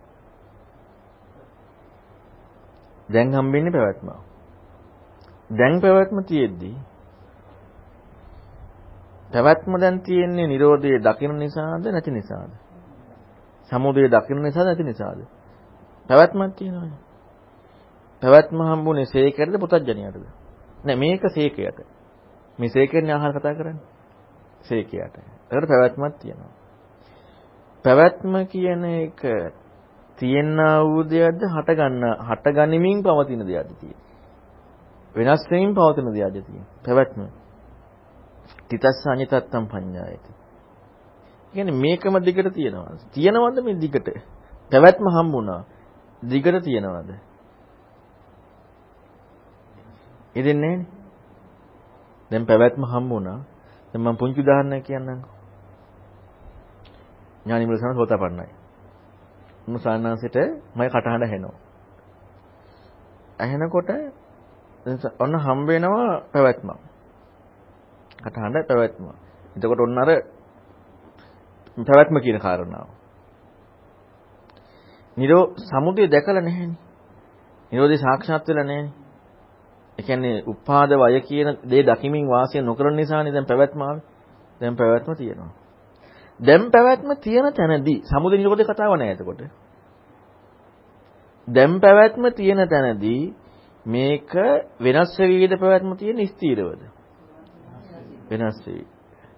වෙනස් වෙයි පැවැත්ම තියෙනවා නම් දැන් මොන ඥානසන්න සමුදයක් දකින්න නැත්නම් නිරෝධයක් දකින්න නැත්නම් දැන් වාහනේ යනකොට ආයි අපි දෙන්නම අපි මම පොඩි කාලයක් කතා කරන්නේ. ආයි හම්බෙනවද නැද්ද? නැත්නම් ආයි වෙන අවස්ථාවක වෙන එකක් ඇහෙනවද නැද්ද? ඒක හට ගැනීමක් පැවැත්මක් එක එක දැන් අවසානයක් වෙන්නේ නැහෙනේ අවසානයක් වෙනවා කියන කෝණේ යන්න තියෙන අපට උච්ඡේදයට. දැන් මෙතන Nirodhe Samudaya අත්දකින්න නැත්නම් පැවැත්ම හම්බෙලා තියෙන්නේ. දැන් එතකොට අර අවසානයේ කියන කෝණයට එන්නේ නැහැ. මොකද එන්නේ නැත්තේ අවසානයක් කියලා ආවනම් වෙන්නේ සාස්වතයක් එක්ක. උච්ඡේදයක් එක්ක. සාස්වතය නිසා උච්ඡේදය. හැබැයි දැන් පැවැත්මක් තියෙනවනේ. ඊළඟ ඊට පස්සේ පැවැත්මයි දැන් මේක නිරුද්ධ වුන්නේ නැහනේ. එහෙනම් හට ගැනීමක් තියෙනවනේ. හට ගැනීමක් හම්බ දැන් ඊළඟ ඊළඟ කියන කාරණා දැන් මේ සත්‍යයේ පැවැත්මක් හම්බ වෙනවා ඊළඟ කියන කාරණාවක් හම්බෙලා තියෙනවනේ. දැන් පැවැත්මයි ඊළඟ කියන්නේ දැන් අවස්ථාව කියන එක නෙමෙයි. දැන් එයාගේ කෝණෙට දැන් එයාගේ පැවැත්ම හම්බුනේ අඤ්‍ය තත්තම් පඤ්ඤායති කියන එක. පැවැත්ම හම්බුනේ. අඤ්‍ය තත්තම් පඤ්ඤායති. ඒකෝර අඤ්‍ය තත්තම් පඤ්ඤායති පැවැත්මක් තියෙන්නේ. අනතත්තම් පඤ්ඤාති පැවැත්ම කියන කාරණාව එක ඉන්නකොට මේ දැන් මේ ඔක්කොම කතා කරන්නේ ලෝක ලෝකෙට ඇවිදින්නනේ. ලෝකෙට ඇවිල්ලා කතා කරන්නේ. ඊළඟට තියෙන්නේ හම්බ වෙන්නේ හට ගැනීමක්ද? එහෙම නැත්නම් නැතිවීමක්ද? හට ගැනීම. වෙනස් වෙන්නේ හට ගැනීමන් නිසාද නැද්ද? හට ගැනීමන් නිසා. එහෙනම් පැවැත්ම එක යාට හට ගැනීමක් කියන බව හම්බ විය යුතුයිද නැද්ද? වෙනස් වීම කියන නිර්වචනය එනකොට සමුදය නිරෝධය දකින්නේ නැහැ. දකින්න නැති තැනදී සාස්වත වූ පැවැත්මක්ද තියෙන්නේ වෙනස් වී පැවැත්මක්ද තියෙන්නේ. වෙනස් වී පැවැත්ම නිර්වචනයේදී හට ගැනීම කියන එක ටිකක් කියදෙන්න ඕන කියන කාරණාව ඕනේ. වෙනස් වී පැවැත්මක් කියන කාරණාවේදී හට ගන්න ඕනේ. නැත්තම් වෙනස් වෙන්නේ කොහොමද? හැබැයි දැන් තිතියක් කියලා හම්බුනේ දැන් සෝතාපන්න කරන අතීතනාගත කියන කාරණාව හම්බෙලා තියෙනවනේ. කාංකාව සැකේ නැහැ හම්බෙලා තියෙනවා. දැන් ඒ ඒ දැක්මවල ඒ මුකුත් නැති නිසානේ මේ පැවැත්ම තියෙන්නේ. අපි උදාහරණයකට ගමුකෝ අනාථපිණ්ඩික සිටුතුමා. විසාකා මහෝපාසිකාව. මම නිකන් සාමාන්‍යයෙන් වචනයක් ඇහුවා කාගෙන්ද මට මතක නැහැ තරංගෙන්ද කොහෙද. අපට සමුදේ වයේ සංඛාර හැටියට අපි මේ කල්පනා කරන ක්‍රමයට හමුණු රාගය හිතන්න පුළුවන්ද? බෑනේ. දැන් රාගය හිතුවද නැද්ද? විසාකානාත පින්ඩිකතුමා. හිතුවනේ? හම්බුණානේ. රාගය කියලා පැවැත්මක් නැද්ද? පැවැත්මක් තියෙනවා. එතකොට මේ සංඛාර නිත්‍ය කියලා නේද අනිත්‍ය කියලා නේද? නේද? සංකාර සංඥාව නිත්‍ය සංඥාව තියෙනවද? නිත්‍ය සංඥාව නෑ. හැබැයි අපි අපි දකින කෝණට ගියොත් නම් වෙන්න විදියක් නෑ නේ. සංඥාව නිත්‍ය සංඥාවක් නෑ. නමුත් අපි දකින කෝණට ගියොත් වෙන්න විදියක් නෑ නේ. එහෙනම් මේ සංකාර අනිත්‍යයි කියන කෝණය වෙන එක. සංඥාව. නමුත් එයා රාගේ තියෙනවා. රාගේ තියෙන සංකාර අනිත්‍යයි කියන කෝණෙන්ද සංකාර නිට්ටයයි කියන කෝණෙන්ද? නෑ නෑ නෑ මම අහන්නේ අනාථපිණ්ඩිකට විසාකාට. රාගයේ තියෙන සංඛාර අනිත්‍යයි කියන කෝණයෙන්ද සංඛාර නිට්ටයයි කියන කෝණයෙන්ද? අනිත්‍යයි කියන කෝණ නිට්ටය වෙන්නේ නෑනේ. නේතන් ඨානං විජ්ජති කවදාවත් වෙන්නේ නැහැ සෝතපන්න කෙනාට සංඛාර නිට්ටයයි කියලා. අනිත්‍යයි කියන කෝණෙනුයි සංඛාර හම්බෙලා තියෙන්නේ මොකද්ද රාගේ? කොහොමද ඉතින් එතකොට ඒක හම්බෙන්නේ නේ? රාගය හම්බෙලා තියෙන්නේ සංඛාර අනිත්‍ය බව හම්බෙද්දී. දකිද්දි නෙමෙයි. අන්න එකයි තිතස්ස අඤ්ඤතත්තම් පඤ්ඤායති කියන කාරණාවේ අඤ්ඤතත්තිය කියන කාරණාවට ඔන්න ඔය කෝණේ ඉන්න ඕනේ. පැවැත්ම කියන එකට ඔය කෝණේ එනකොට ඒ කෝණේදී යාට පැවැත්මක් නේ හම්බුනේ. දැන් දේශයේ රාගය අපි දැන් අපේ කෝණෙන් ගත්ත භුක්ති විඳින්න අපිට මේ ඕන් නැද්ද අල්ලගෙන අතීත අනාගත ප්‍රපංච සංඥා සංකාවලට යන්න ඕනද නැද්ද? යන්න ඕනනේ. නැත්නම් වෙන්නේ නැහනේ. හැබැයි මොකක් එක්කද? සංකාර අනිත්‍ය සංඥාවත් එක්ක. හොවන් ඒක තමයි. සංකාර අනිත්‍ය සංඥාවත් එක්කයි පංච සංඥා සංකාව ඔස්සේ අතීත අනාගත පච්චුප්පන්නේසු චක්කු විඤ්ඤේයේසු රූපේසු අතීත අනාගත වර්තමානික හම්බෙන්නේ. එතකොට එහෙමනම් ඒ කෝණේ වෙනස්ම කෝණයන්නේ. දැන් අපට කවදාවත් ඒක කතා කරන්න බෑනේ සංඛාර අනිත්‍ය කියන කෝණෙන් රාගින්නේ කොහොමද කියලා. ඒ දැක්ම කියන්නේ එකක්. අපි අපට හම්බුනේ ඇත්තටම සංඛාර අනිත්‍ය බව කල්පනාවක් සංඥාවක් නෙමෙයි. අපි ඊළඟට ඒක ගන්නවා දැක්මටත් ලං කරගෙන. දැක්කනම් රාගේ නෑ. මේ සංඥාව කියන්නේ. සංඛාර අනිත්‍යයක දකින්න නෙමෙයි කියන්නේ. ඥානාති පස්සති නෙමෙයි කියන්නේ. සංකාරයේ අනිත්‍ය සංඥාව. අනිත්‍ය සංඥාව සංස්කාර බව ඉද්දී. මොකද හොතපන්න කියන රාගය සිවෙන එකට පුතජන වෙලාද? නෑනේ. ඉවෙස් සංකාර අනිත්‍යමනේ. ඒ කෝණ්ඩ රාගය හම්බුණා. ඒ කෝණ්ඩ දේශය හම්බුණා. ඒ කෝණ්ඩ රාගය ඒ කෝණ්ඩ දේශය හම්බෙද්දි මොකද වෙන්නේ? අනිත්‍ය බවටයි රාගය තියෙන්නේ. එතකොට එහෙනම් මේ තිතියක් පැවැත්මක් කියලා හම්බෙලා තියෙනවා අනිත්‍ය බවත් එක්ක. හැබැයි උපාදය හම්බෙලා නැහැ, වය හම්බෙලා නැහැ, දැකලා නැහැ, දකින්නේ නැහැ. එහෙම හම්බෙච්ච තැනදී හට ගැනීමක් තියෙනවද? තියෙනවද හට ගැනීමක් තියෙනවද? හට ගැනීමක් තියෙනවා. ඒ රාගය සේවනය කරන්න පුළුවන්ද පැවැත්මක් නැතුව? බෑනේ. තියෙන රාගයක්ද හට ගන්න රාගයක්ද?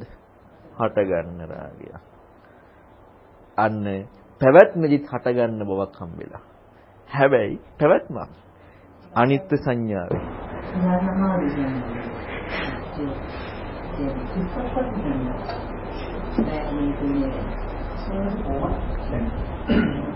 කක්කක් තියනවා කියුවොත් ඒක අනිවාර්යෙන්ම හදගැනීමක් තියෙනවා මුකුව තියනවා කියන එකක් මහාන බෑ බෑ නෑ ඒක තමයි. ඒ දැන් එතකොට ඒ දැන් අපට අපට යනකොට මෙහිම ගත්තොත් හට ගැනීම කියනකොට කාලයත් එක්කත් මම එක්කත් අපට ඒකෙත් හට ගැනීමක් කියන එක එනවනේ. අතනදී හට ගැනීම දකින්නවනේ මේ හොතපන්න කෙනාගේ. දැන් අපට සාමාන්‍යයෙන් තියෙනවා කියනකොට සාමාන්‍යයෙන් හට ගැනීමක නිර්වචනයක් එනවනේ. හැබැයි අපට හට ගැනීම කියන නිර්වචනයේ හම්බෙද්දී මම එක්කත් මොකද මේක අනිත්‍ය විතර නෙවෙයි අනත්තක් කියනවනේ. මේක අනිත්‍ය විතර නෙවෙයි අනත්තක් කියනවා. එතකොට මම එකත් බාහිර එකත් එක්කනේ අපිට හට ගැනීමක් කියන එකම මේ. එතකොට මේ කාරණාව එක්ක අපට මේක හම්බෙද්දී මොකද වෙන්නේ? අපි පැත්තකට ගිහිල්ලා තියෙනවා අපව. දැන් අතන සෝතාපන්න කෙනාට අනිත්‍ය බව දකින්නේ නැහැ. දැන් අපට යම් කිසි අපට දැන් කෝණයක් ඇත්තට නැද්ද අනිත්‍යයි කියනකොට හටගන්න. ඒ කියන්නේ අපට සාමාන්‍යයෙන් හටගන්න බවක් කියන කාරණාවක් මම එක නැද්ද? යම් කිසි අපට නිර්වචනයක් මම එක කියන කාරණාව වෙනවනේ. යම් කිසි හරි ඔන්න ඔය වගේ අනිත්‍ය අනත්ත දුක්ඛ ඔය තුනම හම් වෙලා තියෙනවා. මොකක් එක්කද? ඒක සංඛාර බවක් එක්ක. හැබැයි සංඥාවක්. සංඥාවක් ඈ ඒක සංඥාවක් මිසක් දැක්මක් නෙමෙයි. දකින්නකොට හම්බෙන්නේ දකින්නකොට කොහෙද හම්බෙන්නේ රාගයක්. අනිත්‍ය වශයෙන් දකින්න රාගයක් හම්බෙන්න බෑනේ. සංඥාවක් තියෙන්නේ. සංඥාවක් තියෙදි තිතියක් තිබිලා. තිතියත් මොන සංඥාවෙන්ද තියෙන්නේ? අනිත්‍ය සංඥාවෙන්, දුක්ඛ සංඥාවෙන්, අනත්ත් සංඥාවෙන් තිතිය තියෙන්නේ. තිතියේ රාගයේ ආස්වාදයක් තියෙනවා. තිතියේ එහෙනම් මේක තියෙද්දි මොකද්ද වෙන්නේ?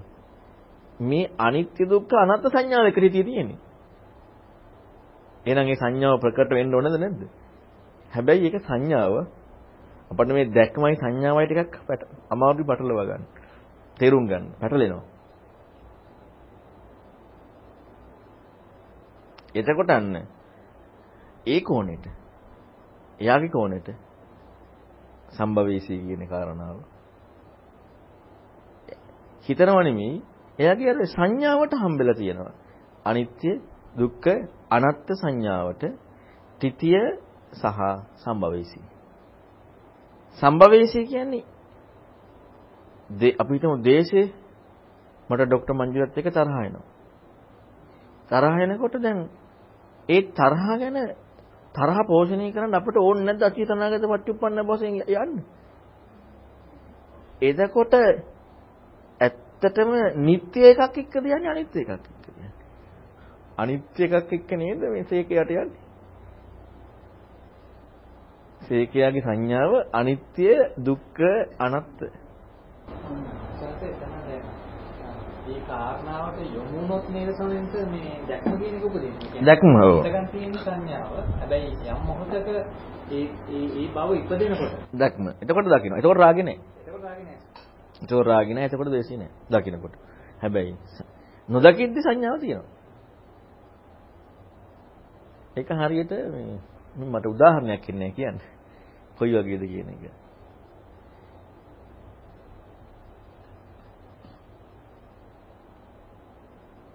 මතක් වෙච්ච දවසක් කියන්න. සමහර ලාවට එනවා උන් හරි උදාහරණ. ඔය ඔය ඔක්කොම ඔය උදාහරණ මම ඒ වෙලාවට ආපු දේවල්. දැන් එහෙම උදාහරණයක් ආවේ නෑ නිකන් සංඥාව සහ මේ පවතිනවා කියන එක. මම මෙහෙම එකක් කියන්නම්කෝ.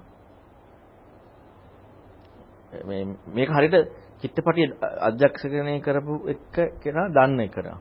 අධ්‍යක්ෂණය කරපු කෙනා.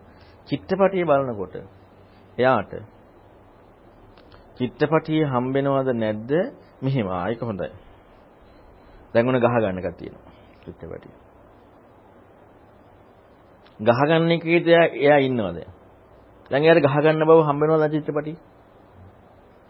අපි තුන් ගයක් ගිනි ගන්නවා කියලා. ගයක් ගිනි ගන්න බව හම්බුනද නැ චිත්තපටි. අධ්‍යක්ෂණය කරපු හම්බ වෙනවා. එයාට පොඩ්ඩක්වත් හැඟීමක් තියෙනවද? ඇත්ත වූ ගයක්ේ ගිනි ගන්නේ කියන සංඥාව තියෙනවද? ඒ සංඥාව නැහැ. නමුත් ප්‍රත්‍යක්ෂය තියෙනවද නැද්ද? ගයක් ගිනි ගන්නවා ප්‍රත්‍යක්ෂයෙන් හම්බ වෙනවද නැද්ද? ප්‍රත්‍යක්ෂයෙන් ගයක් ගිනි. ඇයි පේන්නේ ගයක් ගිනි ගන්නවනේ. හැබැයි සංඥාවක් හැටියට එයාට ගේ ගිනි ගන්න බව හම්බෙලා නැහැ. එයාට තියෙන්නේ සෙල්ලංගේ ගිනි ගන්න බව කියන්නේ. හැබැයි සෙල්ලංගේ ගිනි බව හිතන්නේ නැහැ. හිතුවොත් ගේ ගිනි ගන්න බව වේදෙන්නේ නැහැ නේ. හිතන්නේ නැති වුණාට ඇත්ත ගියක් ගිනි ගන්නවමයි කියලා හිතනවාද එයාට? නෑ. ඊළඟට එයාට ඊළඟ පැවැත්ම එක කතා කරනවා. ඊළඟට පවත්ම කතා කරනකොට එයාට ඊළඟට හම්බ වෙන්නේ මේ ගේ ගිනි ගන්නවා කියන කාරණාව එක කතා කරන් යනකොට ඊළඟ අවස්ථාවක් මෙහිමයි තියෙන්නේ. කියලා හම්බෙන්නේ නැද්ද? අනිත් කෙනාට ඇත්තටම ගයක් ගිනි ගන්නවා. මිසක් එයාට හම්බෙනවද ඊළඟට මෙහෙම එකක් හම්බෙනවා කියලා. එයාට හම්බෙන්නේ ඊළඟට මෙහෙම එකක් කියලා. එයාට හම්බෙන්නේ ඇත්තටම ගයක් ගිනි ගන්නවා. එයා ගිය ගිනි ගන්නවා කියන එකේම ඉන්නවා කතාව සම්පූර්ණයෙන්ම වෙලා තියෙනවා. අරයට ගිය ගිනි ගන්න බව හම්බෙනවා. ඊළඟට වෙන එකත් එයාට හම්බෙනවා. හම්බෙනවනේ. ගෙගිනි ගත්තට පස්සේ ඊළඟට මොකද්ද වෙන්නේ කියන එකත් එයාට හම්බෙනවා. ඒකත් හම්බ වෙන්නේ ඒ කෝණයක් එක්ක යාට. හැබැයි ඒ ඒ මේ දැන් දැන් ගේ ගිනි ගන්නවා කියලා හම්බෙච්ච කාරණාව එක්කම ඊළඟ කියාට හම්බෙනවා. ආයි හිතන්න දෙයක් නැහැ. මොකද එයා සම්පූර්ණයෙන් මේ චිත්‍රපටියේ කියන ක්‍රියාව සම්පූර්ණයෙන් දන්නවා. හදපු හැටි. ඒක නිසා ඊළඟට ගේ හට ඊළඟ දේ හට ගන්නවා කියන කාරණාව අන්න යාට හේතු වෙනවා. එතකොට මේ වගේ දෙයක් වෙන්නේ කියන්නේ කෝණේ ඔක්කොම යනවා. මම දන්නේ ඒක ගැලපුණාද කියලා. ඔය සාමාන්‍ය පොඩ්ඩ මට තව එකක් මතක් වුණා ටීවී එක පිළිබඳව දන්න හොඳටම දන්න කෙනෙකුට. ටීවී එකේ රූප හම්බෙන්නේ නැහැ. ටීවී එකේ ක්‍රියාකාරීත්වයේ තියෙන්නේ මේ ඩොට්ස් නේ. ඒ බව දන්න කෙනාට රූපද පේන්නේ ඩොට්ද පේන්නේ. රූපනේ. රූපනේ පේන්නේ. හැබැයි රූප කියලා හම්බුනාට හොඳටම ටීවී එක ගැන දන්න කෙනාට. එයාට ඒකේ ඩොට් ස්වභාවයක් කියලා දන්නවද නැද්ද? හැබැයි රූප පේන්නේ. අන්න ඒ වගේ. රූපේ යාට මුක්ති දෙන්න බැයිද? හැබැයි ඩොට් ඩොට් කියලා ඩොට් බවම ආරෝපණය කරගන්න කිව්වොත් අන්න රූප පේන්නේ නැහැ. රූප පෙනුනට ඩොට් බව කියන එක නැති වෙනවද? නෑ ඒක එහෙමමයි. අන්න ඒ වගේ මම ওই මගේ මෝඩ කෝණයට තේරිච්ච ටිකක් වයි කිව්වේ. බුදුන් වහන්සේගේ ධර්මයේ කියන එක නෙමෙයි. ඒකේ තියෙන කාරණාවක් තේරුම් ගන්න යන්න මගේ මෝඩ කෝණයට මම ওই උපමා ටිකක් කිව්වේ.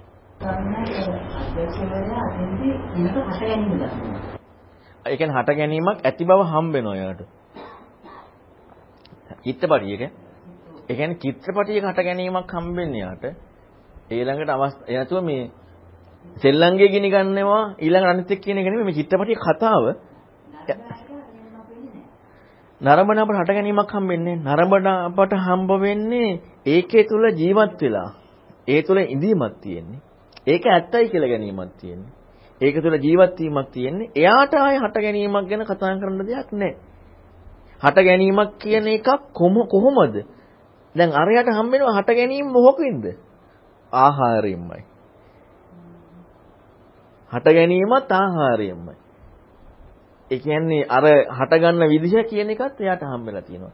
හැබැයි චිත්‍රපටිය නිකන් බලන කෙනාට හට ගැනීමක් කියන එකක් හම්බෙන්නේ ඉස්තරෝ සත්‍යෝ ක්‍රියාකාරීත්වය කියන එකක්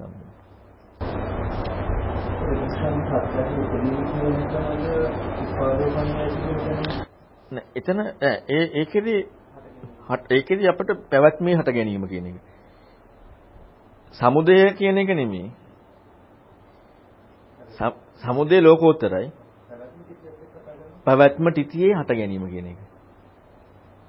එතන දැන් ඒ ඒ තිතිය සහ සම්භවේසී සහ තිතිය කතා කරන්නේ සත්‍යා කියන වචනයත් එක්ක. චත්තාරෝමී ආහාරෝ සත්තානං තිතියා සම්භවේසී නංවා. එතකොට ඒ දෙකම තියෙන්නේ ලෝකේ හම්බෙච්ච දේ. සෝතාපන්න කෙනා ලෝකේ ඉන්නේ. මාර්ගයේ ලෝකේද ලෝකෝත්තරයිද? සමුදය අස්තංගම දැකීම ලෝකයේද ලෝකෝත්තරද? ලෝකෝත්තරයි. එතකොට මේ ලෝකෝ ලෝකේනේ ලෝකෝත්තර නෙමෙයි ලෝකේ. සෝතපන්න කෙනා ලෝකෝත්තර වෙලාද? නෑනේ. ලෝකේනේ. රහතන් වහන්සේනේ ලෝකෙන් ඈතර වුණේ. සෝතපන්න කෙනා සංසාරේ යන කෙනෙක්. නිදාසච්ච කෙනෙක්ද? නෑ සංසාරේ යන කෙනෙක්. දැක්මක් නෙදින්නේ ඒක. එයා කවදාද නිදහස් වෙනවා. ඒකයි තියෙන්නේ. කවදාද නිදහස් වෙනවා. නිදහස් වෙලා නැහැ. හැබැයි නිදහස් වෙන දැක්ම තමයි සමුදය අස්තංගමයි. අරක සත්‍යයගේ පැවැත්මයි සත්‍යයගේ තිතිය. බලන්නකො මේ දෙකේ වෙනස තේරුම් ගන්න කොච්චර අමාරුද කියලා. ඉතින් ඒක අමාරු ක්‍රම නිසා නේනම් අපි ඔය උපාදයයි අරකයි මේකයි ඔක්කොටම අච්චාරුවක් කරලා කවලම් කරගන්න යන්නේ මේ බුදුරණවහන්සේ මේ කියේ පරිය ඊතර ගන්න නැති නිසා. අපට අර කිව් අර හට ගැනීම කියන ඒවත් මේ කැටි කැට ගැනීම කියන ඒවත් ලෝකේ හට ගැනීම තියෙන ඒවත් ඊතර වෙන මාර්ගයත් මේ ඔක්කොම මොකද්ද කරන්නේ? අච්චාරුවක් දාගන්නවා. අච්චාරුවක් දාගත්තට පස්සේ අච්චාරුවේ සාමාන්‍ය ලුණු ටිකට හොඳට මේක අච්චාරුව ගිහිල්ලා නැත්තම් ලුණු රහක් එනවා. නැත්තම් අච්චාරු රහක් නෙමෙයි ලුණු රහක් නෙමෙයි. අන්න ඒ වගේ තමයි ලෝකෝත්තර මාර්ගයක් හම් වෙන්නේ නැහැ. ලෝකෙද බව හම් වෙන්නේ නැහැ. අච්චාරු ටිකක් හම් වෙනවා. අච්චාරු ටික හම් වෙන්නේ නැහැ. වෙන් වශයෙන් තියෙනකොට. කවදාවත් ලුණු විතරක් අද්දි අච්චාරු කියලා හම්බෙන්නේ ලුණුනේ.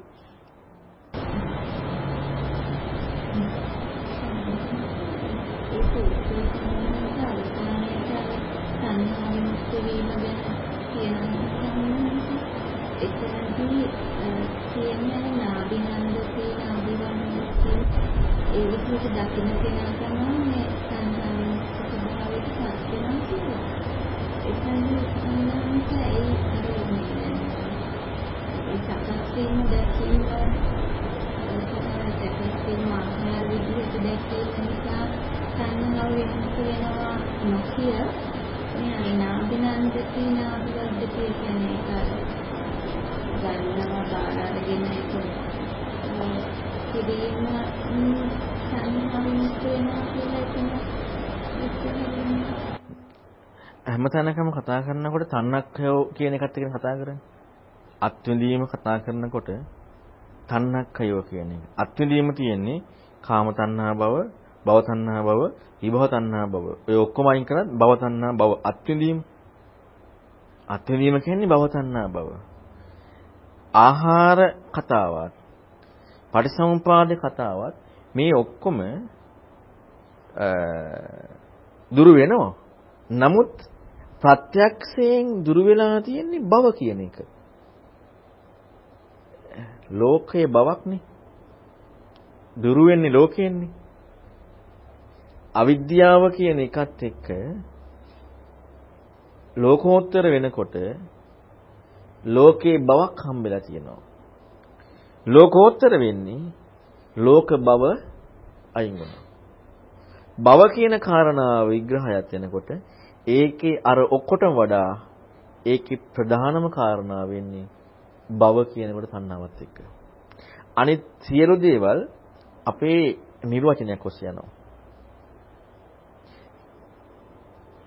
කාම තණ්හාවත් අතහැරලා, ඉබා තණ්හාවත් අතහැරලා භව තණ්හාව කියන කාරණාව කතා කරනකොට නිර්වචනයකට යන්න අවශ්‍ය නැහැ. භව කියන යම් ප්‍රත්‍යක්ෂයක්ම අයින් වෙනවා. දැන් ගත්තොත් ආහාර භව. භවක්නේ. උපාදාන භව. තණ්හාව කියලා හංගෙත් තණ්හා භව.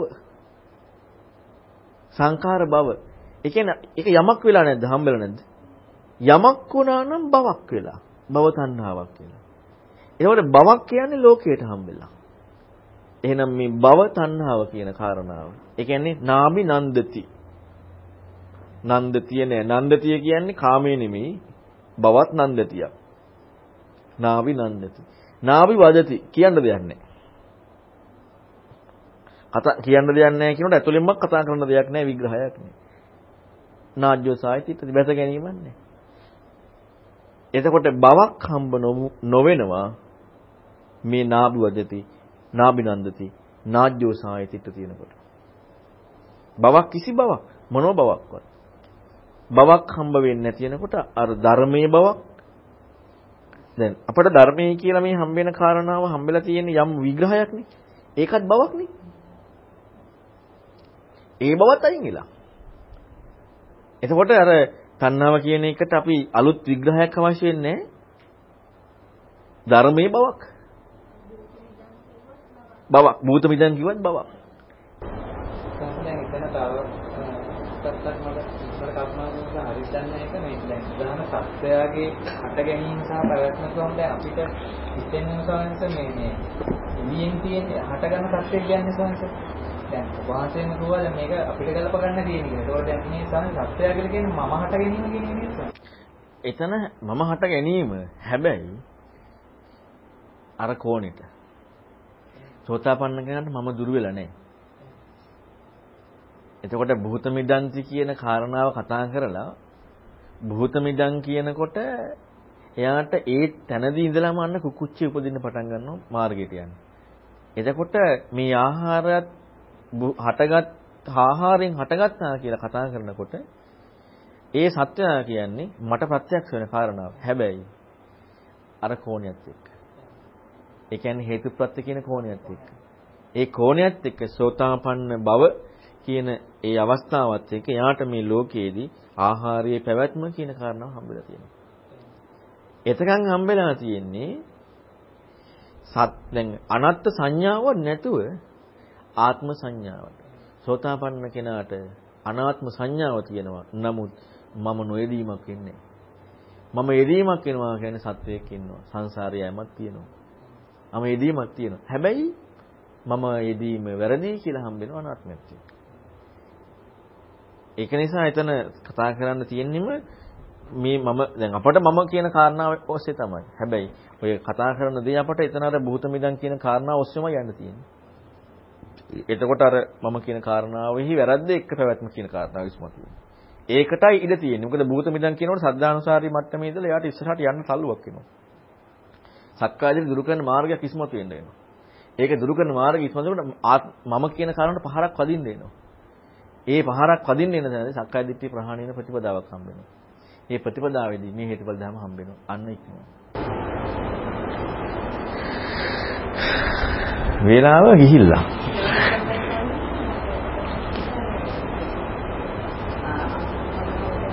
විඥාන ආකාරය සහ විඥානයේ කියන එකක්. දකින්න ඕනේ. ඒක විඥාන ආකාරය කියන්නේ